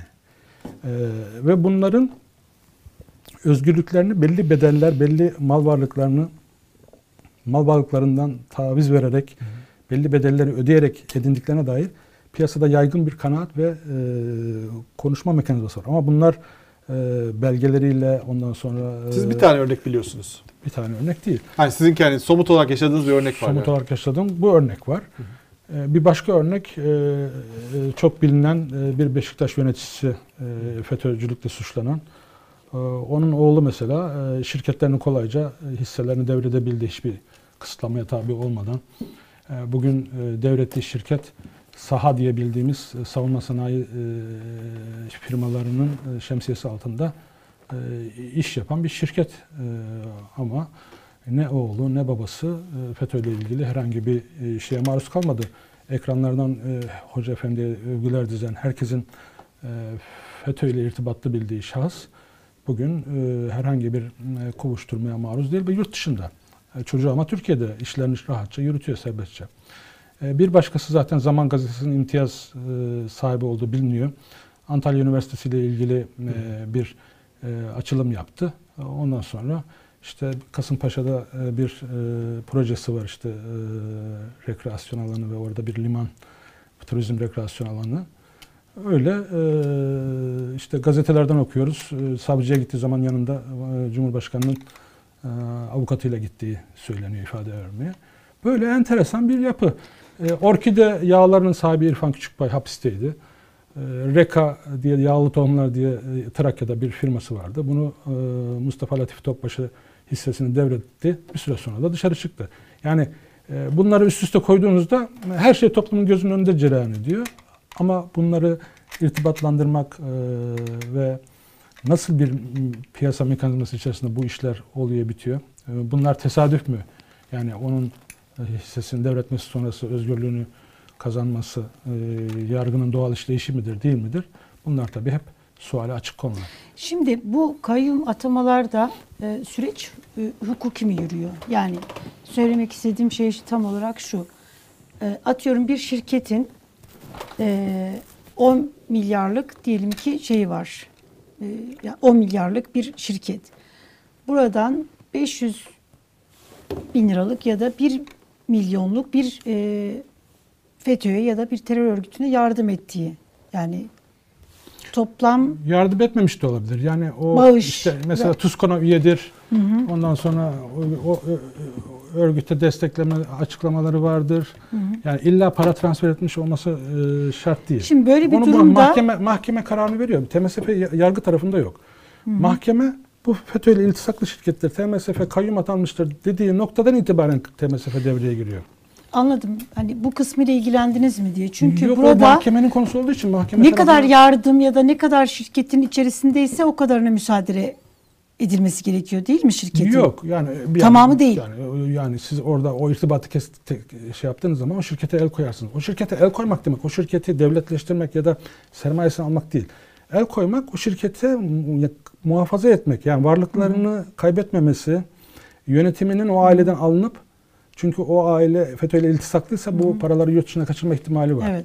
Yani o bir tedbirdir aslında şey kayyumluk süreci. Orada yani Elif'in aslında söylemek istediği şey bu kararlara da itiraz ediliyor. Tabii bu siz kararları siz vermiyorsunuz. Mahkeme Tabii kararları veriyor. biz vermiyoruz mahkeme. Ama o veriyor. aileler de mesela Tabii o, o- siz bahsettiğiniz Boydak ailesi de o karara itiraz ediyor. Bunun haksız olduğunu söylüyor. Evet Tabii. tamamı değil. Yani işte O ortaya yani çık- TMSF'nin ilgi alanına hiç Değil. girmiyor. Değil, Evet, anladım. hiç girmiyor. TMSF sadece bunu O Kayyum atanması. Onlar da bu galiba bazen görüyorum işte şirketlerimiz kötü yönetiliyor falan diye yazıyorlar. E, tabii arada. tabii. Yani e, mesela TMSF'de bizden sonra yani benden sonra yapılan bir e, satış mesela çok ilgi çekti. Yavaşçalar e, mühimmat e, Balıkesir'de e, bir e, tank e, mermisi üreten yani tanklara zarar veren bir e, şey nitelikli bir e, fabrikaydı. O da mı şeyindi Boydaklarında? Boydakların değil. Bu Yavaşça ailesi. Başka bir aile. a- başka bir ailenin de. Burası mesela TMSF'ye devralan o 980 şirketin içinde, içerisindeydi. Herhangi bir borçluluk durumu da çok fazla e, yoktu. Ve her ne hikmetse satışına doğru böyle bir temayül belirdi. Yani e, ve e, Boşluk durumu olunca mı satılıyor? yani genelde şöyle şirketler faaliyetlerini sürdüremeyecek durumdalarsa bir takım varlıklarının durumdaysa. satılması söz konusu olabilir. Çünkü faaliyeti e, artık e, yürütemeyecek durumda. Mesela Naksan grubu böyleydi yani. E, Baktığınız zaman Yani eğer yürümüyordu. mahkeme devam ederken şirket faaliyetini yürütemeyecek durumdaysa satışı daha mantıklı oluyor. yani Kaybetmesi varlık satışı diye. söz konusu olabilir. Varlık satışıyla finansman sağlayıp şirketi döndürmek ya da tamamen ekonomik şeyini kaybetmişse Eğer satış tasfiyesine Mesela satıştı, satıldı o şirketi diyelim ama adam yargılanıyor. Beraat etti. Ne oluyor? Parası ona mı veriliyor? Parası depo ediliyor tabii Depo ki. ediliyor, Nemalandırılıyor ve ona veriliyor. Şu Sezgin Baran Korkmaz meselesine gelelim? Yavaşçaları anlatayım ondan sonra geçelim. Yavaşçalar önemli bir konu. Ee, Tamam. yavaşçalar e, Biz hiç bilmiyoruz da o yüzden Tabii, tabii. bizim için Bilmediğimiz şey ifade yani etmiyor. mesela- Ama önemli de olabilir tabii. Tabii tabii. Yani mesela bu şirket yani normalde TMSF'nin yöntemi şudur. Herhangi bir şirketi satacağınız zaman bir ilana çıkarsınız. Alıcıları oraya davet edersiniz. Onu e, böyle e, güzel bir sunum yaparsınız. İnsanlar, yatırımcılar ilgisini çekersiniz buraya ki rekabet oluşsun ve en iyi fiyata bunu satayım. Yavaşçalar herhangi bir ilana çıkmadan sarsılmaz silah sanayi grubuna bir bedel karşılığında devredildi gitti. Teklifler, teklif verecek olanlar da vardı ve el altından bu böyle satıldı. TMSF tarihinde ben hatırlamıyorum böyle bir şey. Yani Telsim satıldı. Uluslararası yatırımcılar geldi, ihaleye girdiler. Yani ne satarsa TMSF sonuçta onu en iyi değerle satmaya satmakla mükelleftir. Bu yavaşçalar olayında eee, çok cüzi bir paraya satıldığı iddia edildi. Eee, alan grubun da hisselerini bir süre sonra eee, başka bir eee, gruba bir kısmını devrettiği söylendi. Yani bunlar şaibeli işlemler ve bu şaibeli işlemlerden bu bürokratlar kriminal olarak sorumludur. Yani bugün Muhittin Gülal bundan sorumludur. Yani yarın iktidar değiştiğinde buradan bütün bürokratlara da seslenmek istiyorum. Yani bir görev yaparken, bir imza atarken, bir karar alırken kanuna, vicdana, akla uygun olmayan kararları almak alanlar bunun hesabını verecektir. Er ya da geç verecektir. İmza atarken, karar alırken düşünsünler. Eğer istifa etmeleri gerekiyorsa istifa etsinler. Hayat sadece kamu görevi yapmakla mükellef şey değil. İnsan ekmeğinin rızkını her yerde bulur. Çalışır. Namusuyla çalışır. Aç kalmaz. Ama siz böyle e, üstü örtülü satışlar yaparsanız yarın e, iktidar gittiğinde bunların Sorumlusun. hesabını vereceksiniz yani. Ve o insanlar o paraları alıp giden insanlar, bu işte nemalan insanlar, eğer siz nemalanmadıysanız hapiste siz olacaksınız, onlar yurt dışında yaşayacaklar. Bu imzaları atan arkadaşlara söylüyorum. İki kere düşünün. Ee, darphane bandrol işlemleri için bir şirketle imza sözleşme imzalıyor. Yani cirosu 1.4 milyar lira falan. Şirket herhangi bir ihaleye söz konusu olmadan adrese teslim. Çağırıyor. Gel seninle sözleşme imzalayalım. Dün fakirdin, bugün zenginsin. Hadi bakalım yoluna devam et. Böyle bir şey olabilir mi ya? 1.4 milyar Liralık. liralık bir e, ihale Yani, veriliyor böyle. Yani öyle konuşuluyor rakamlar. Ve bu herhangi bir rekabete açılmadan. Yani sonuçta darphanenin bandrol işini ihale ederken rekabete çıkması lazım. Belki 3 milyar liraya çıkacaktı satış. 3 milyar liraya gidecekti. Yani burada yolsuzluk nasıl yapılıyor diye o konuya girmek istedim. Yolsuzluğun Türkiye'de dört şekil yapılma şeyi var, şekli var. Bir tanesi vakıf ve dernekler üzerinden hazineye girmesi gereken paraların bloke edilerek bu vakıf ve derneklere yönlendirilmesi. Nasıl Evet. oluyor mesela? Mesela Kızılay satışı. Kızılay'ın 30 milyon dolarlık bağış. Başkent Doğalgaz özelleştirmesi. Konuşulmuştu çok. Tabii. Başkent Doğalgaz özelleştiriliyor. Ne kadar? 100 lira. Şimdi 30 lirada Kızılay'a bağış yapılıyor. Yani acaba 100 liraydı da 70 liraya Başkent Doğalgaz o gruba verildi. 30 lira Kızılay'a mı gitti? Yoksa 130 liraydı. 100 lira e, alındı. 30 lira mı Kızılay'a bağış gitti? Bir anda e, hayırsever iş adamı pozisyonuna geçiyor şey alıcı. E, Kızılay'a bağış yapıldı. E, Kızılay tamam güzel. Hepimizin vicdanını rahatlatan bir şey. Yani tamam sonuçta kamu hazinesine gireceğine Kızılay'a girdi. O da kamu yararına bir dernek. E, Ona bakıyorsunuz o parayı alıyor o e, Ensar Vakfı'na ve Amerika'daki başka bir vakfa aktarıyor. Sen zaten e, bir vakıfsın. Başka bir vakıfla protokol yapıp niye bu parayı devrediyorsun? Dolayısıyla e, birinci yöntem bu paravan vakıf ve e, dernekler üzerinden fon oluşturmak. Hem belediyelerde Bu hep yapılıyor öyle mi? hem belediyelerde evet hem de e, özelleştirmelerde, büyük işlerde. Bir, bunların hazineye girmesi gereken paraların hazineye girişinin engellenmesi yöntemiyle yapılıyor. İkincisi, İhalelerde rekabetsiz ortamlar oluşturuluyor ve işte bu beşli çete, beşli müteahhit dediğimiz yani böyle e, pazarlık usulü ihale yöntemleriyle devletin e, e, maliyetinin olması gerekenden biraz daha yukarılarda rakamlar oluşuyor bu sebeple. Yani rekabetle bir malın değeri yüksek e, tespit edebilir ya da bir hizmetin satın alınması daha düşüğe elde edilebilir. Rekabet yoksa siz her türlü manipülatif e, fiyatları oluşturabilirsiniz orada. Türkiye'de ikinci yöntemde bu rekabetsizlik ortamından beslenme. İşte köprü, otoyol, e, havalimanı, geçiş e, ga- garantileri vesaireler. Bu mega projelerde bu işler daha kolay. Yani büyük paralar oluşturmak daha kolay. Üçüncüsü e, ihale ile yapılması gereken hizmet alımlarının biraz önce anlattığım darphane örneğinde gibi kişi ve firmaya özel doğrudan sözleşme yoluyla yapılması ve hazineye gelir kaybının e, bu şekilde e, oluşturulması. Dördüncüsü ise e, özelleştirme satışları ve başka büyük ihalelerle firma satın almaları, el değiştirmelerinde satıştan kısa bir süre sonra gerçek alıcıya hisse devri yöntemiyle. Mesela BMC. BMC'ye gelmiştir Ethem Sancak. TMSF'de canlı yayında ihaleyle satın almaya gelmiştir. Kaça alacağını bile bilmiyordu yani.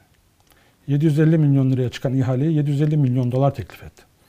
İhale başkanının uyarmasıyla 750 milyon liraya geri döndü. Gerçekten. Gerçekten. Tabii canım yani ne, ne alacağını bile bilmiyordu yani. 750 milyon dolar teklif etti. Canlı yayın kayıtları vardır izleyin. 750 milyon dolar teklif etti. E, ihale- Şaşırmış olabilir mi? Yani e, mu- muteber ve basiretli bir iş adamının böyle bir hata yapması. Ama çok mutlu olmuştur belki çok önemli bir şey aldığı için. Çok para vermek istemiş öyle mi? Hayır bence yani Sevinmiştir. işte şöyle. Cömertlik. Hayır işte biraz önce söyledim ya. Şimdi satın alıyor. Nasıl al, iki ay neye sonra alacağını bilmiyor ne demek yani? yani şöyle yani normalde oraya basiretli bir iş adamı hazırlanır gelir. 750 milyon lira teklif eder.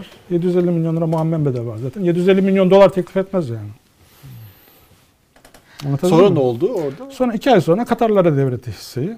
Ee, Dolayısıyla yani baştan zaten Katarlara devredilmek üzere e, gelmişti. Katarlar girmedi ihaleye, o girdi. İşte bakıyorsunuz e, Taşıyıcı e, taşı- gibi yani taşıyıcı gibi aslında, yani evet. yani Bu gerçek. önemli bir bilgi yani. Tabii, çok tabii. muhalefet çünkü çok kullandı ama bunu Tabii, da hiç tabii. duymamıştım. Evet. şey. Mesela öze- özelleştirmeden hidrojen peroksit diye bir e, firmanın satışı söz konusu oldu. E, Berat Albayrak'ın e, şey Bilal Erdoğan'ın e, Kartal İmam arkadaşı olduğu iddia edilen bir şahıs e, özelleştirmeden girdi buraya aldı. Bir süre sonra da Almanlara sattı hisseyi. Yani alıyor, satıyor. E, Sayıştay geliyor, soruyor. Yani siz bu hisseyi e, bu e, şey alan kaça sattı Almanlara? Bilgi yok, cevap verilmiyor yani. Orada nasıl bir, bu niye usulsüz olsun? Sonuçta alıyor ve istediği kişiye satabilir. E tabi ama bunların hemen bir akabinde satılması böyle alıcı Alman yani niye girip özelleştirmeden almadı da e, aradan bir Türk aldı Anladım. ondan sonra ondan aldı falan. Bunlar hep soru işareti olan konular. Yani o daha kolay olabilecek biri giriyor. Tabii işte yavaşçalar da mesela sarsılmaz e, alıyor yavaşçaları sonra bir hisse devri yaptığı söyleniyor başka bir şeye. Ee, bir de ihaleye bakıyorsunuz e, birisi eklemlenmiş e, bir ya da bir projeye eklemlenmiş yüzde yirmi payla yüzde yirmi payla E, ihale bitiyor proje bitiyor E, o payı büyük hisselere satarak çıkıyor. Yani böyle eşleştirmeler çok yaygın. Ee, Böyle bu- bayağı sistematiği var yani bunun. Siz Tabii. dört maddeyi falan Tabii, şey tabii. ben notlar aldım şöyle dört yöntem. ben tekrar Yani benim gözlemle, gözlemlediğim yani dört tane yolsuzluk yapma yöntem var. İşte vakıflar, dernekler üzerinden e, hazineye girecek paraları bloke ederek e, yönlendirme. Bir de hazineden çıkan paraları olması gerekenden daha fazla çıkarttırarak e, orada bir rant alanı oluşturma. Yani bu dördün, dört dediğiniz şeyin içine her şey girer bilir yani. Türkiye'de böyle evet, evet, işte özelleştirme girmeyen herhangi bir şey olmuyor mu? Usulüne uygun bir şey olmuyor tutun. Sezgin Baran bu Korkmaz bunlardan Se- hangi Sezgin Baran başlığa giriyor? neresinde? Sezgin Baran Korkmaz. Dört başlıktan. Sezgin Baran Vakıfta Korkmaz değil, bunların dışında. değil. Bunların Başka. dışında. Evet, Sezgin o Baran- bambaşka bir konsept. Sezgin Baran Korkmaz ben TMSF'de tahsilat daire başkanıyken benim yanıma geldi. Hı. Randevu aldı. Tanıştınız mı? Ankara'dan hatırlı bir milletvekilinin e, ra- şeyiyle, Öyle mi? girişimiyle. Tabii. Milletvekili. Siyaset, siyasette dostları vardı. Ee, Hatırlı milletvekili dediğiniz zaman sıradan milletvekili değil, anlamına geliyor. evet. Peki. Geldi. ve İsim ben- soracak mıyız diye. Ben de evet şimdi Hala hatırı sayılır bir milletvekili mi Ee, şu anda Sezgin? Baran Korkmaz'ın HTS kayıtları incelenirse, e, yalısına kimlerin gelip gittiği eğer incelenirse bunlar çok rahat ortaya çıkacak. Sedat Peker gibi konuştunuz. o da öyle Evet, konuşuyor. evet. Bu tabii Evet. ki Yani incelenmeyecek. şimdi ben iddiada bulunmayacağım. Tabii yani. ki İddiada çünkü hayır yani kimse bunun Ya ortaya bir çıkmasını istemiyor e, ki. sizi arayıp Sezgin Baran Korkmaz için randevu aldı. Beni aramadılar ama sonuçta TMSF TMSF'ye şey yaptılar. TMSF bana geldi. Size yönlendirdiler. Ne için gelmişti? Yıl kaçtı? Vallahi 2000 yine 15 16 10 10 14 15. En parlak şey En dönemleri, parlak yeni dönemi, çıkan evet. şey dönemi. Geldi e, ve dedi ki e, başkanım dedi e, sizde dedi kelepir şirket var mı dedi. Direkt sormuş. Tabii. Şimdi ben şaş, şaş yani şöyle tabii ben şeye alışkınım. Mesela bizim e, muhafazakar camiada bazı arkadaşların ya TMSF'de ucuza şirket var mı alalım e, demesine alışkınım. E, mesela bu beş vakit namaz kılan arkadaşların e, kamu malını ucuza alma arzularının e, anlayabilmiş değilim. Yani ben o satışla hazineye para gönderiyorum. O hazine sosyal yardım yapıyor. Ayşe teyzenin, e, ihtiyarın, yaşlının e, nafakasını temin ediyor. İşsize işsizlik maaşı ödüyor vesaire vesaire. Öğretmenin maaşını, polisin maaşını. Ben buradan sana bir ucuz mal vereceğim. E, olması gerekenden 2 milyon dolar, 3 milyon dolar eksik tahsil edeceğim. Sen de namaz kılmaya, hacca gitmeye, umreye devam edeceksin. Böyle bir şey var mı? Bunu anlayamadım yani bu talepleri. Böyle talepler geldi bana. Ve e, Sezgin Barak Korkmaz tabi böyle bir e, Direkt muhafazakar e, Evet. e, yapı profil değil. E, direkt sordu kelepir firma var mı diye. Ben de dedim bizde kelepir firma olmaz. Bizim satışlarımız rekabetçidir yani. Biz bir şeyi satışa koyarız, ihaleye girersin, para konuşur. Yani İngilizler money talks der ya, para konuşur. Paranı koyarsın, e, şirketi alırsın. O paranın kaynağı vesairesi beni ilgilendirmez. Devletin masanın problemidir. O bakar. Ee, eğer öyle bir yanlışlık varsa zaten paran da gider, malın da gider. Öyle deyince tabii benden yüz bulamadı. Ama ben merak ettim çocuğu yani. Dedim ya bana bir anlatsana kendini. Sen kimsin yani böyle genç yaşta büyük işlerle Hiç daha önce birisinden kelepire mal var diyen duymuş muydunuz? Yok böyle 30'lu yani yaşlarda. doğrudan doğrudan böyle bodoslama. O 30'lu yaşlarda bir genç. Yani merak ettim yani bu parasal kaynağı e, nasıl edindi diye. Ben dedi e, Kars Digorlu işte ortaokul terk bir delikanlıyım dedi işte şeyim vatandaşım.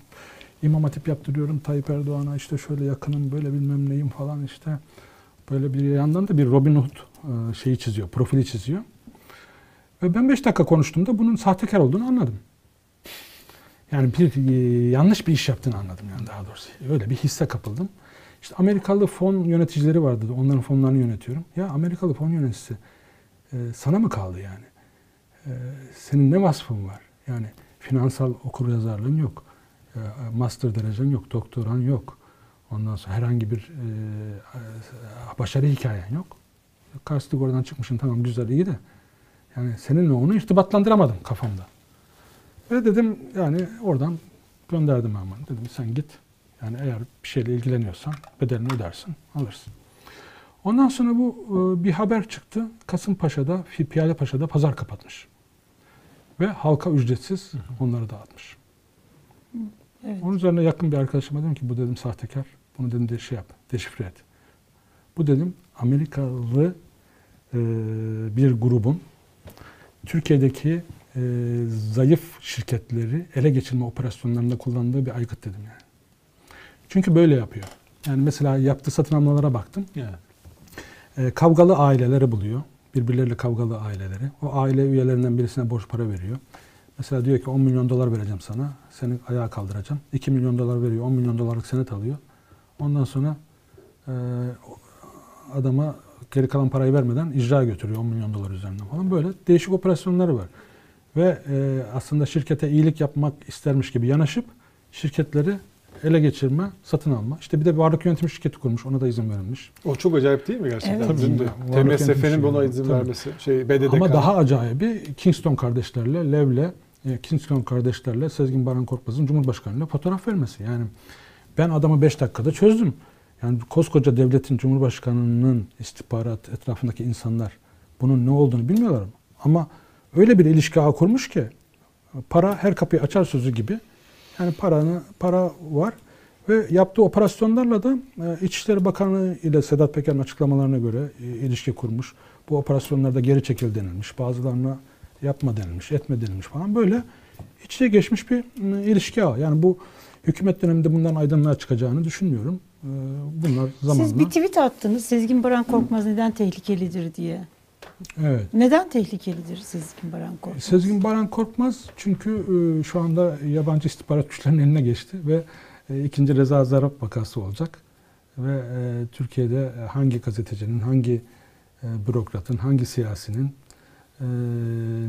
ile nasıl ilişkiler kurduğunu anlatacak muhtemelen ve bunlar bir süre sonra Türkiye üzerinde e, koz olarak Amerika tarafından kullanılacak.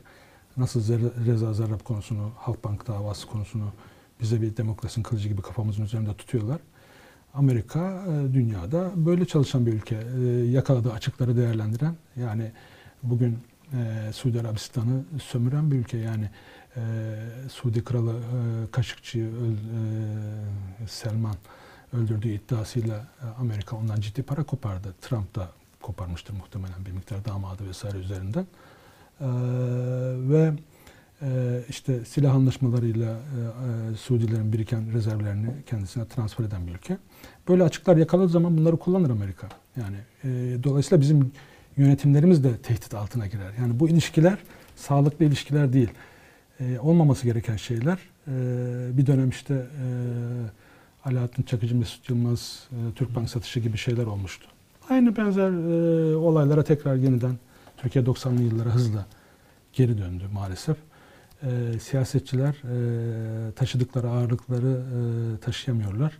E, bu tarz insanlarla e, ilişki kurarken e, çok dikkatli olmalılar yani. Siz Ziraat Bankası'nda da çalıştınız. Evet, Ziraat Şimdi çalıştım. Ziraat Bankası da tartışılıyor. çok Ee, tartışılıyor. evet. Ben e, çok tweet attım Demirören'e e, vermiş olduğu bu kredi. Evet. Daha sonra mecliste Ziraat Bankası yetkilisi e, her müşterimize nasıl muamele yapıyorsak zamanı geldiğinde kendisine de aynı muamele yapılacaktır dedi. Evet. Biraz bunu anlatır mısınız? Yani Tabii, tabii. e, bu krediler Ziraat Bankası nasıl e, veriliyor? tabii. Bu normal mi?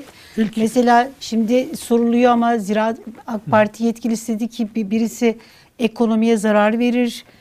Yani açıklanmaz mı bu tür Tabii. bu kadar kamuya mal olmuş bir kredi taraflar açıklamaz mı işte biz bunu ödüyoruz filan diye. Tabii tabii açıklayayım. Yani Ziraat Bankası'nın e, büyük e, yol kazalarından birisi en AK Parti döneminde bir Bayrampaşa'daki Ora AVM kredisi vardır. Aşağı yukarı 200 milyon euronun üzerinde bir batak vardır orada. Can Akın Çağlar dönemidir.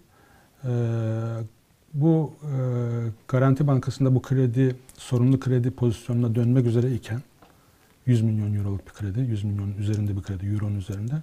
Can Akın Çağlar birdenbire ortaya çıkmış ve bu 200 milyon euroyu bu AVM projesine vererek bankacılık tekniği açısından tamamen yanlış, bir başka bankanın finanse ettiği, yürüttüğü bir projeyi onun riskini de satın alarak bankacılık tekniği açısından böyle bir şey olmaz.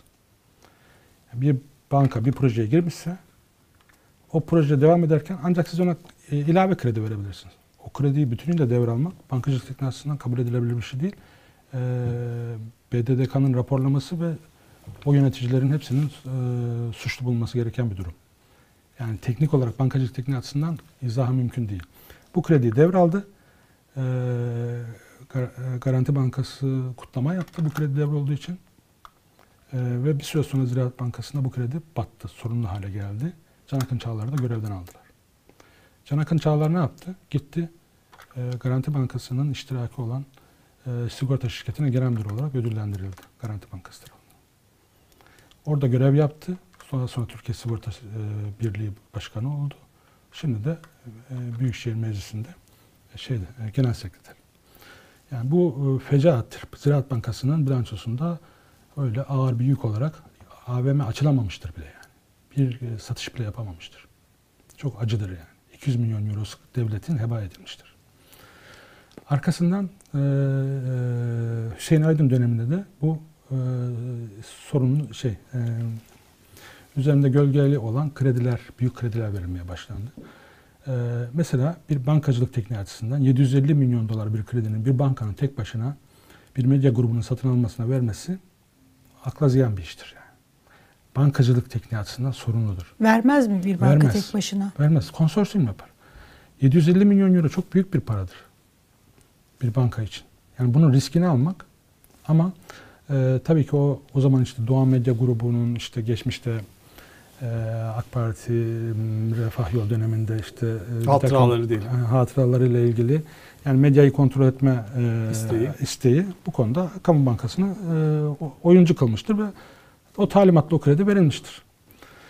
Verildikten sonraki akıbetiyle ilgili de işte yazılıp çiziliyor. İşte o, o kemer country'deki bir takım arsalar verilmiş, o arsaların imar durumları değişmiş, bugün değersizmiş o arsalar gibi iddialar var. E, arkasından bakıyorsunuz işte Oyak grubu Total, Total'i de Ziraat Bankası kredisiyle aldı şey, e, Demirören. Demirören Total'i Ziraat Bankası kredisiyle aldı. E, Doğa Medya grubunu Ziraat Bankası kredisiyle aldı. Keşke hepimizin arkasında böyle bir banka olsa biz de bir şeyler alsak. Alamayız yani. Sonra tuttu Oyak grubu e, Total'i hmm, Oyak grubuna sattı. E, ve Milli Piyango ihalesini aldı. Böyle yani e, takip edemediğiniz baş döndürücü bir e, almalar, el değiştirmeler, operasyonlar e, ve Ziraat Bankası kredisinin nasıl geri ödeneceğine dair ya da faizlerin ödenip ödenmediğine dair firma sırrı, devlet sırrı veriyor bir anda işler. İşte birisinin Açıklanmaz mı böyle bir şey normal olarak? açıklanır oradaki bürokratlar burada yani işte bu biraz önce söylediğim cesur bürokratlar olsa o belgeleri dışarı sızdırsalar açıklanır. Ha, yani yasal olarak açıklamam hakları var. Yasal olarak açıklamama hakları diye bir şey tanımıyorum. Yani çünkü bu müşteri sırrı olacak bir şey değil. Eğer bir e, kişi e, kredisini ödemiyorsa zaten zorunlu sorunlu kredi kategorisine düşer ve bankacılık sistemi bunu bilir. Ama e, e, kredimiz sağlıkları, faizlerini ödüyor vesaire şeklinde bilgi vermek müşteri sırrı değildir yani. Oraya düşmesin diye herhalde o arsa meselesini bir şey olarak almışlar herhalde. E, tabii ki yani ama netice itibariyle yani biz biliyoruz ki e, yani piyasa biliyor ki e, Erdoğan Demiroğlu Medya bu grubunu kendi arzusu ve isteğiyle almadı. Netice itibariyle o da bir talimatla bunu aldı. Ziraat Bankası da talimatla krediyi verdi. O da onu o görevi üstlendi. E, Bugün pek çok medya kuruluşunun işte bir şekilde emaneten üzerlerinde durduğun insanların bir görev, misyon olarak bunu takip ettiklerini bu yapıların yaşaması için Büyükşehir Belediye Başkanlığı'ndan geçmişte bir takım paraların aktarıldığını e, Büyükşehir değiştikten sonra gördük işte 15 milyon lira her ay bir gazete grubuna, bir e, medya grubuna Büyükşehir'den paranın gittiği konusu işlendi. Yani biraz medyayı kontrol etme amaçlı e, iş adamları da burada biraz e, şey görevi görüyor yani. E, bir e, görev e, Bu yürütüyor. TMSF'deki bu el konağı kayyumla yönetilen şirketlerde böyle medyayı finansmanında kullanılıyor mu böyle sponsorluklar, reklamlar? Onlar daha çok şey reklam bütçelerinin e, ayarlıyorlar. yönetilmesi aşamasında oluyor. İşte bugün mesela Türk Telekom'a bakıyorsunuz. Türk Telekom özelleştirmesi Türkiye'nin en büyük rezaletlerinden birisidir. Türk Telekom'u Saidi Öger grubuna e, 4 milyar, 4,5 milyar dolar mı ne özelleştirdiler. İşte o dönemde. E, böyle kocaman çeklerle fotoğraflar verdiler. E, sözleşme yaptılar. Sözleşmeye e, kar transfer yasağı koymadılar. Saudi Öger grubu 4,5 milyar dolara aldı. 2-2,5 milyar dolar içeriden kredi kullandı Türk bankalarından. Dolayısıyla 5 kuruş koymadan e, şeye e, Türk Telekom'u ele geçirdi. Ondan sonra içindeki kabloları, e, bir takım şeyleri sattı. Kar ettiği zaman karları transfer etti yurt dışına. Türkiye'deki bankalara kredi borcunu kapatmadan yurt dışına kar transfer etti. Evet. Sonra şirketin içi boşaldı. Şirket zor duruma düştü. Ben de, de ödeyemiyorum. Ee, Türk özel bankaları bugün orada e, şirkete, batmış şirkete şey, o e, özelleştirmeyi yapan, o kar transferini e, imkanını veren zihniyet bugün problemlidir, e, şaibelidir, kriminaldir. Maalesef. Ve bugün Türk Telekom'u yöneten şahıs reklamcıdır. A Haber grubunun, e, Turkuaz grubunun medya işlerinden, reklam işlerinden sorumlu şahıs hayatında bir tane elektronik devre görmemiş şahıs bugün Türk Telekom'u yönetiyor. Bir anda Abdullah Bey dinlerken Navalny'nin belgeselini böyle hani dinler gibi. E, Sedat Peker de olabilir. yani yok hayır. Yani, Siz mesela Sedat Peker izlerken ne diyorsunuz? Aa bak yani siz her başka bir gözle izliyorsunuzdur herhalde. Yani e, Arka tabii, o da bir şeyler anlatıyor çünkü yani böyle bir takım ilişki ağlarını anlatıyor. tabii o ama şunu diyor biz bir aileyiz diyor. Evet. Ben de içindeyim diyor. ya ben de içindeyim diyor. Yani e, hani e, tamam yani Sedat Peker e, o anlamda dürüst bir şey veriyor. Profil çiziyor yani. Beraber yaptık bu işleri diyor. Şimdi siz aynı zamanda e, yani muhafazakar camiadan, İslamcı gelenekten geliyorsunuz. Evet, E, genel olarak şöyle bir şey var. Yani böyle bir takım yolsuzluklar oluyor, haksız işler yapılıyor e, hissediyor insanlar ama bu kadar büyük çaplı olduğu böyle üst kademelere kadar bu işlerin gittiği e, şeyinde insanlar şöyle bir şeyleri var. E, diyorlar ki yani bu Müslüman insanlar hani bu kadar da olmaz herhalde diye düşünüyorlar. E, böyle bir hani onu çünkü onu da kabul ederse dünyası yıkılacak yani Tabii, insanların. tabii. Siz mesela böyle Şöyle. içinde bulunmuş bir insan olarak böyle bir hayal kırıklığı yaşadınız Zamanla mı de? biz de işte e, öyle düşünüyorduk. E, ama e, yaklaştıkça gördük ki e, öyle değil. Şimdi e, şöyle, yolsuzluk aşağıdan yukarıya sirayet eden bir şey değildir. Yolsuzluk aşağıdan yukarıya sirayet etmez. Asla edemez. Yukarıdan aşağıya sirayet eder. Yani siz şimdi benim üstümsünüz ve yolsuzluk yapıyorsunuz. Ben de bunu görüyorum. Benim iki şey yapmam lazım. Ya sizi deşifre etmem lazım ya da sizi tehdit ederek ya da sizinle beraber o yolsuzluğa birlikte heves etmem gerekir. Türkiye'de işte bu vakıflar, dernekler yani hayır işi yapacağız diye yola koyulup zamanla e, o hayır kapısından herkesin girdiği bir alana dönüştü. Gerçekten belki başlangıçta iyi niyetle başladı bu işler. İşte siyasetin finansmanı dedik, iktidara geleceğiz dedik. İşte iktidar için para lazım dedik, güç lazım dedik. Doğru. E, Bunlar için siyasi finansman için bir takım kaynaklar oluşturmak zorunda. Bir siyasi parti olmak kolay değil. Bunun bir şeyi var. Ama bunun e, şey kitabı yazılmadığı için nasıl yapılacağı hep böyle ihalelerden oradan buradan paralar ver, paralar ver, paralar ver. Zamanla bu e, yola çıkmak, yolda kalma e, iradesiyle beraber yoldan çıkma şeyini de barındırıyor, riskini de barındırıyor. Dolayısıyla yola çıkanlar yoldan çıktı. Bugün geldiğimiz noktada her yönüyle kirlenmiş bir yozlaşmış yapıyla karşı karşıyayız. Ve e, bugün e, işte mesele şu. Yani hazineye gitmesi gereken paralar niye bu vakıflara, derneklere gidiyor? Şehir üniversitesini kapatıyorsun, öbür tarafta İbn Haldun için bir sürü bağış topluyorsun. E, Şehirüstü Üniversitesi'nin günahı ne? Oradaki bir krediyi bahane edip o, onu boğmak, yok etmek e, neyin zihniyeti?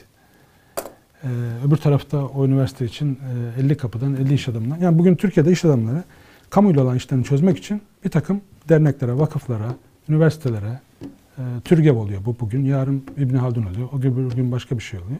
Buralara bağış yapmak zorundalar. O bağışlarla e, işlerini yürütebiliyorlar. Yani bu bir mekanizma, genel kabul görmüş bir yapı haline dönüştü. Ama burada e, esas konu yani 70 milyona gidecek olan, hazineye gidecek gelirlerin buraya yöneltilmesi. Burada gri alanda bilmediğimiz bir şekilde bunların tasarruf ediyorum. Buna ihtiyaç yok. Yani sen devletsin.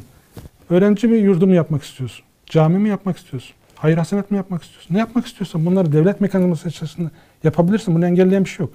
Neden bu hazinenin niye gidecek paraların önüne kesiyorsun? Hazineden çıkacak paraları da olması gerekenin daha fazla çıkması yönünde bir yöntem geliştirdin. Bu sorular e, cevaba e, muhtaç. Bu yüzden mi siyasete girdiniz? Yani e, özellikle şu e, Boydak grubunda yaşadıklarımla ilgili ve e, bir risale okudum. E, e, Meclisin Mebusan Azası Zeynel Abidin Efendi İslamiyet ve Meşrutiyet diye 1900'lerin başında bir kitap yazıyor. Orada Müslümanın diyor yöneticisini seçme sorumluluğu vardır. Müslüman siyaset kirli diye, siyaset şöyle böyle diye siyasetten geri durmamalı diyor. Çünkü diyor başınıza gelen yöneticiyi yanlış seçmenin vebali üzerinizdedir diyor. Dolayısıyla diyor size düşen doğru yöneticiyi seçmek diyor ve ondan sonra da 15-16 tane madde yayınlıyor. Ben AK Parti'den 2015'te aday e, olduğumda şeyde Konya'da e, bunu kaleme aldım. oldunuz. Milletvekili adayı oldum. E, Davutoğlu hocama da danışarak. E, Yani AK Parti'deki kirliliği gördüğüm halde sadece o yolsuzluğu yapanlarla göz göze göz teması kurabilmek için meclise girmek istedim. Gözümün içine baksınlar diye. Onlarla göz teması kurabileyim diye. Ve e, 15-16 maddeyi yayınladım. Milletvekili seçme kriterleri diye. E, medya bunu yazdı.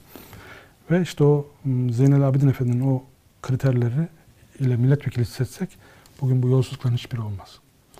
Yani fakir olmayacak diyor. e, geçmişinde şaibe olmayacak diyor. Milletvekilliğini bıraktıktan sonra hayatını devam ettirecek bir geliri kazancı kapısı olacak diyor. Siyaseti bir e, zenginleşme aracı olarak görmeyecek diyor. Ama siz aday yapmadılar galiba. Beni aday yapmadı. ben şeyden iyi oy aldım. İyi- o orada da bir komedi yani böyle sizi gidiyor müsamere yapıyorsunuz, ilçeleri geziyorsunuz. Ondan sonra işte e, temayül yoklamaları falan. Oralarda Biraz fazla yüklenmişsiniz onlara. Onlar hazır değiller o kadar. Evet. ondan sonra mülakata gittim. Biz seni tanıyoruz zaten dediler ya. Sen zaten anlatmana gerek yok kendini. Yani seni seçmeyeceğiz. Çok teşekkür Rica ediyoruz. Çok teşekkürler Abdullah, Bey. Abdullah Bey. Daha çok çıkın televizyonlara anlatın. İbni Haldun'un e, sözünün yine böyle ben de şeyde okumuştum bir, bir yerde daha hani böyle modern e, yine anonim herhalde olan bir şey. Diyor ki e, namuslu, ahlaklı, e, aydın böyle insanların e, siyasete e, hani girmemenin bedelini kendilerini diyor işte e, Kesinlikle. cahil, hırsız işte yani kötü yöneticilerin yönetimde kalarak bunun bedelini öderler gibi Tabii ki. özetle böyle bir söz verdi. Çok teşekkür Çok ediyorum. Teşekkürler. Sağ olun. Sağ olun. Yani inşallah e, 1500'lerden örnek vererek başladınız. İnşallah Türkiye toparlanır ne diyelim. İnşallah. Yani ümi- ümidimizi kaybetmemeliyiz ama gençlerde ciddi bir ümitsizlik var. O beni üzüyor. Beşeri sermayemizi hızlı bir şekilde tüketiyoruz yani. Ülkelerin kalkınmasının en, en büyük dinamiği beşeri sermayedir. Bugün e, Uğur Şahin ve e, eşi e, Tüveci. tabii 100 milyar dolarlık bir şirket yarattılar. Yani bu beşeri sermayeli olan bir şey. Yani burada bir e, şey yok. Makine teçhizat, Hı. bina yatırımı, makine yatırımı yok. Şimdi siz böyle bildiklerinizi çevrenizdeki muhafazakar insanlar çevrenize anlattığınızda size inanıyorlar mı yoksa? Yani sen ayrıldın, muhalif Şöyle, oldun o yüzden ha, böyle diyorsun Mesela diyorlar. bir düğünde e, böyle medya grubu, Merak siz- ettim. medya grubundan arkadaşlar e, yandaş diye tabir edilen yani ben onu benimsemiyorum ama medya grubundan arkadaşlar ya sen işte o kadar AK Parti hizmet ettin ondan sonra ben devlete hizmet ettim AK Parti hizmet etmedim devlete hizmet ettim dedim. E, nasıl dediler yani hocayla işte e, reisin karşısına çıktım falan. Oturun dedim oturdu. Bakın dedim hoca dedim 18 maddelik bir deklarasyon yayınladım. Bu deklarasyonu okudunuz mu? Okuduk. Bir itirazınız var mı? Hayır yok. O zaman bana neyi soruyorsunuz? İtirazınız varsa konuşalım. Hiçbir ağzını açamadı. Evet. Çok teşekkürler. Bu sohbet uzayacak yoksa biz Evet. bırakamayacağız. Çok teşekkürler. Sizi tekrar burada ağırlamak isteriz. Ee, inşallah. Türkiye'nin güzel dönemlerini, güzel böyle hani haberlerini, güzel gelişmeleri de konuşuruz inşallah sizlerle. Evet, keyifli bir programdı bizler açısından. Keyifli. Ee, ya keyif yani daha ne, ne diyeyim yani? Nelerden keyif alıyorsun sürekli böyle? Yani, Yani bayağı çarpıcı şeyler vardı. Çarpıcı, gerçekten. evet. Keyifli bir program. Keyifliydi ya. Yani güzel. E başka bir şey yok ki. Yani Sedat Peker'i de dinliyoruz Yıldıray. Oradan da keyif alıyoruz diyorsun. Ke başka Türkiye'nin yani. gerçek, acı gerçekleri bize keyif veriyor artık. Ama şöyle çünkü bir, bir şey yok. Yani bir Evet. gelişme, bir şey olmuyor. Anladım. Sadece öğrenmiş Verimli oluyoruz. diyorsun evet. Öğrenmenin yani öğrenmenin bilmiş olmanın keyfi yoksa bir Sonucu bu- bu olmuyor. Bir şey sonucu var. olmuyor. Bir yaptırımı olmuyor. Yani e, ne- nasıl yorumlayalım yani? Herkes de dizi film işte Netflix'sizler gibi izliyor Sedat Peker'i. Çok teşekkürler tekrar. Evet bizden bu haftalık bu kadar. Pazartesi günü görüşünceye kadar kendinize iyi bakın.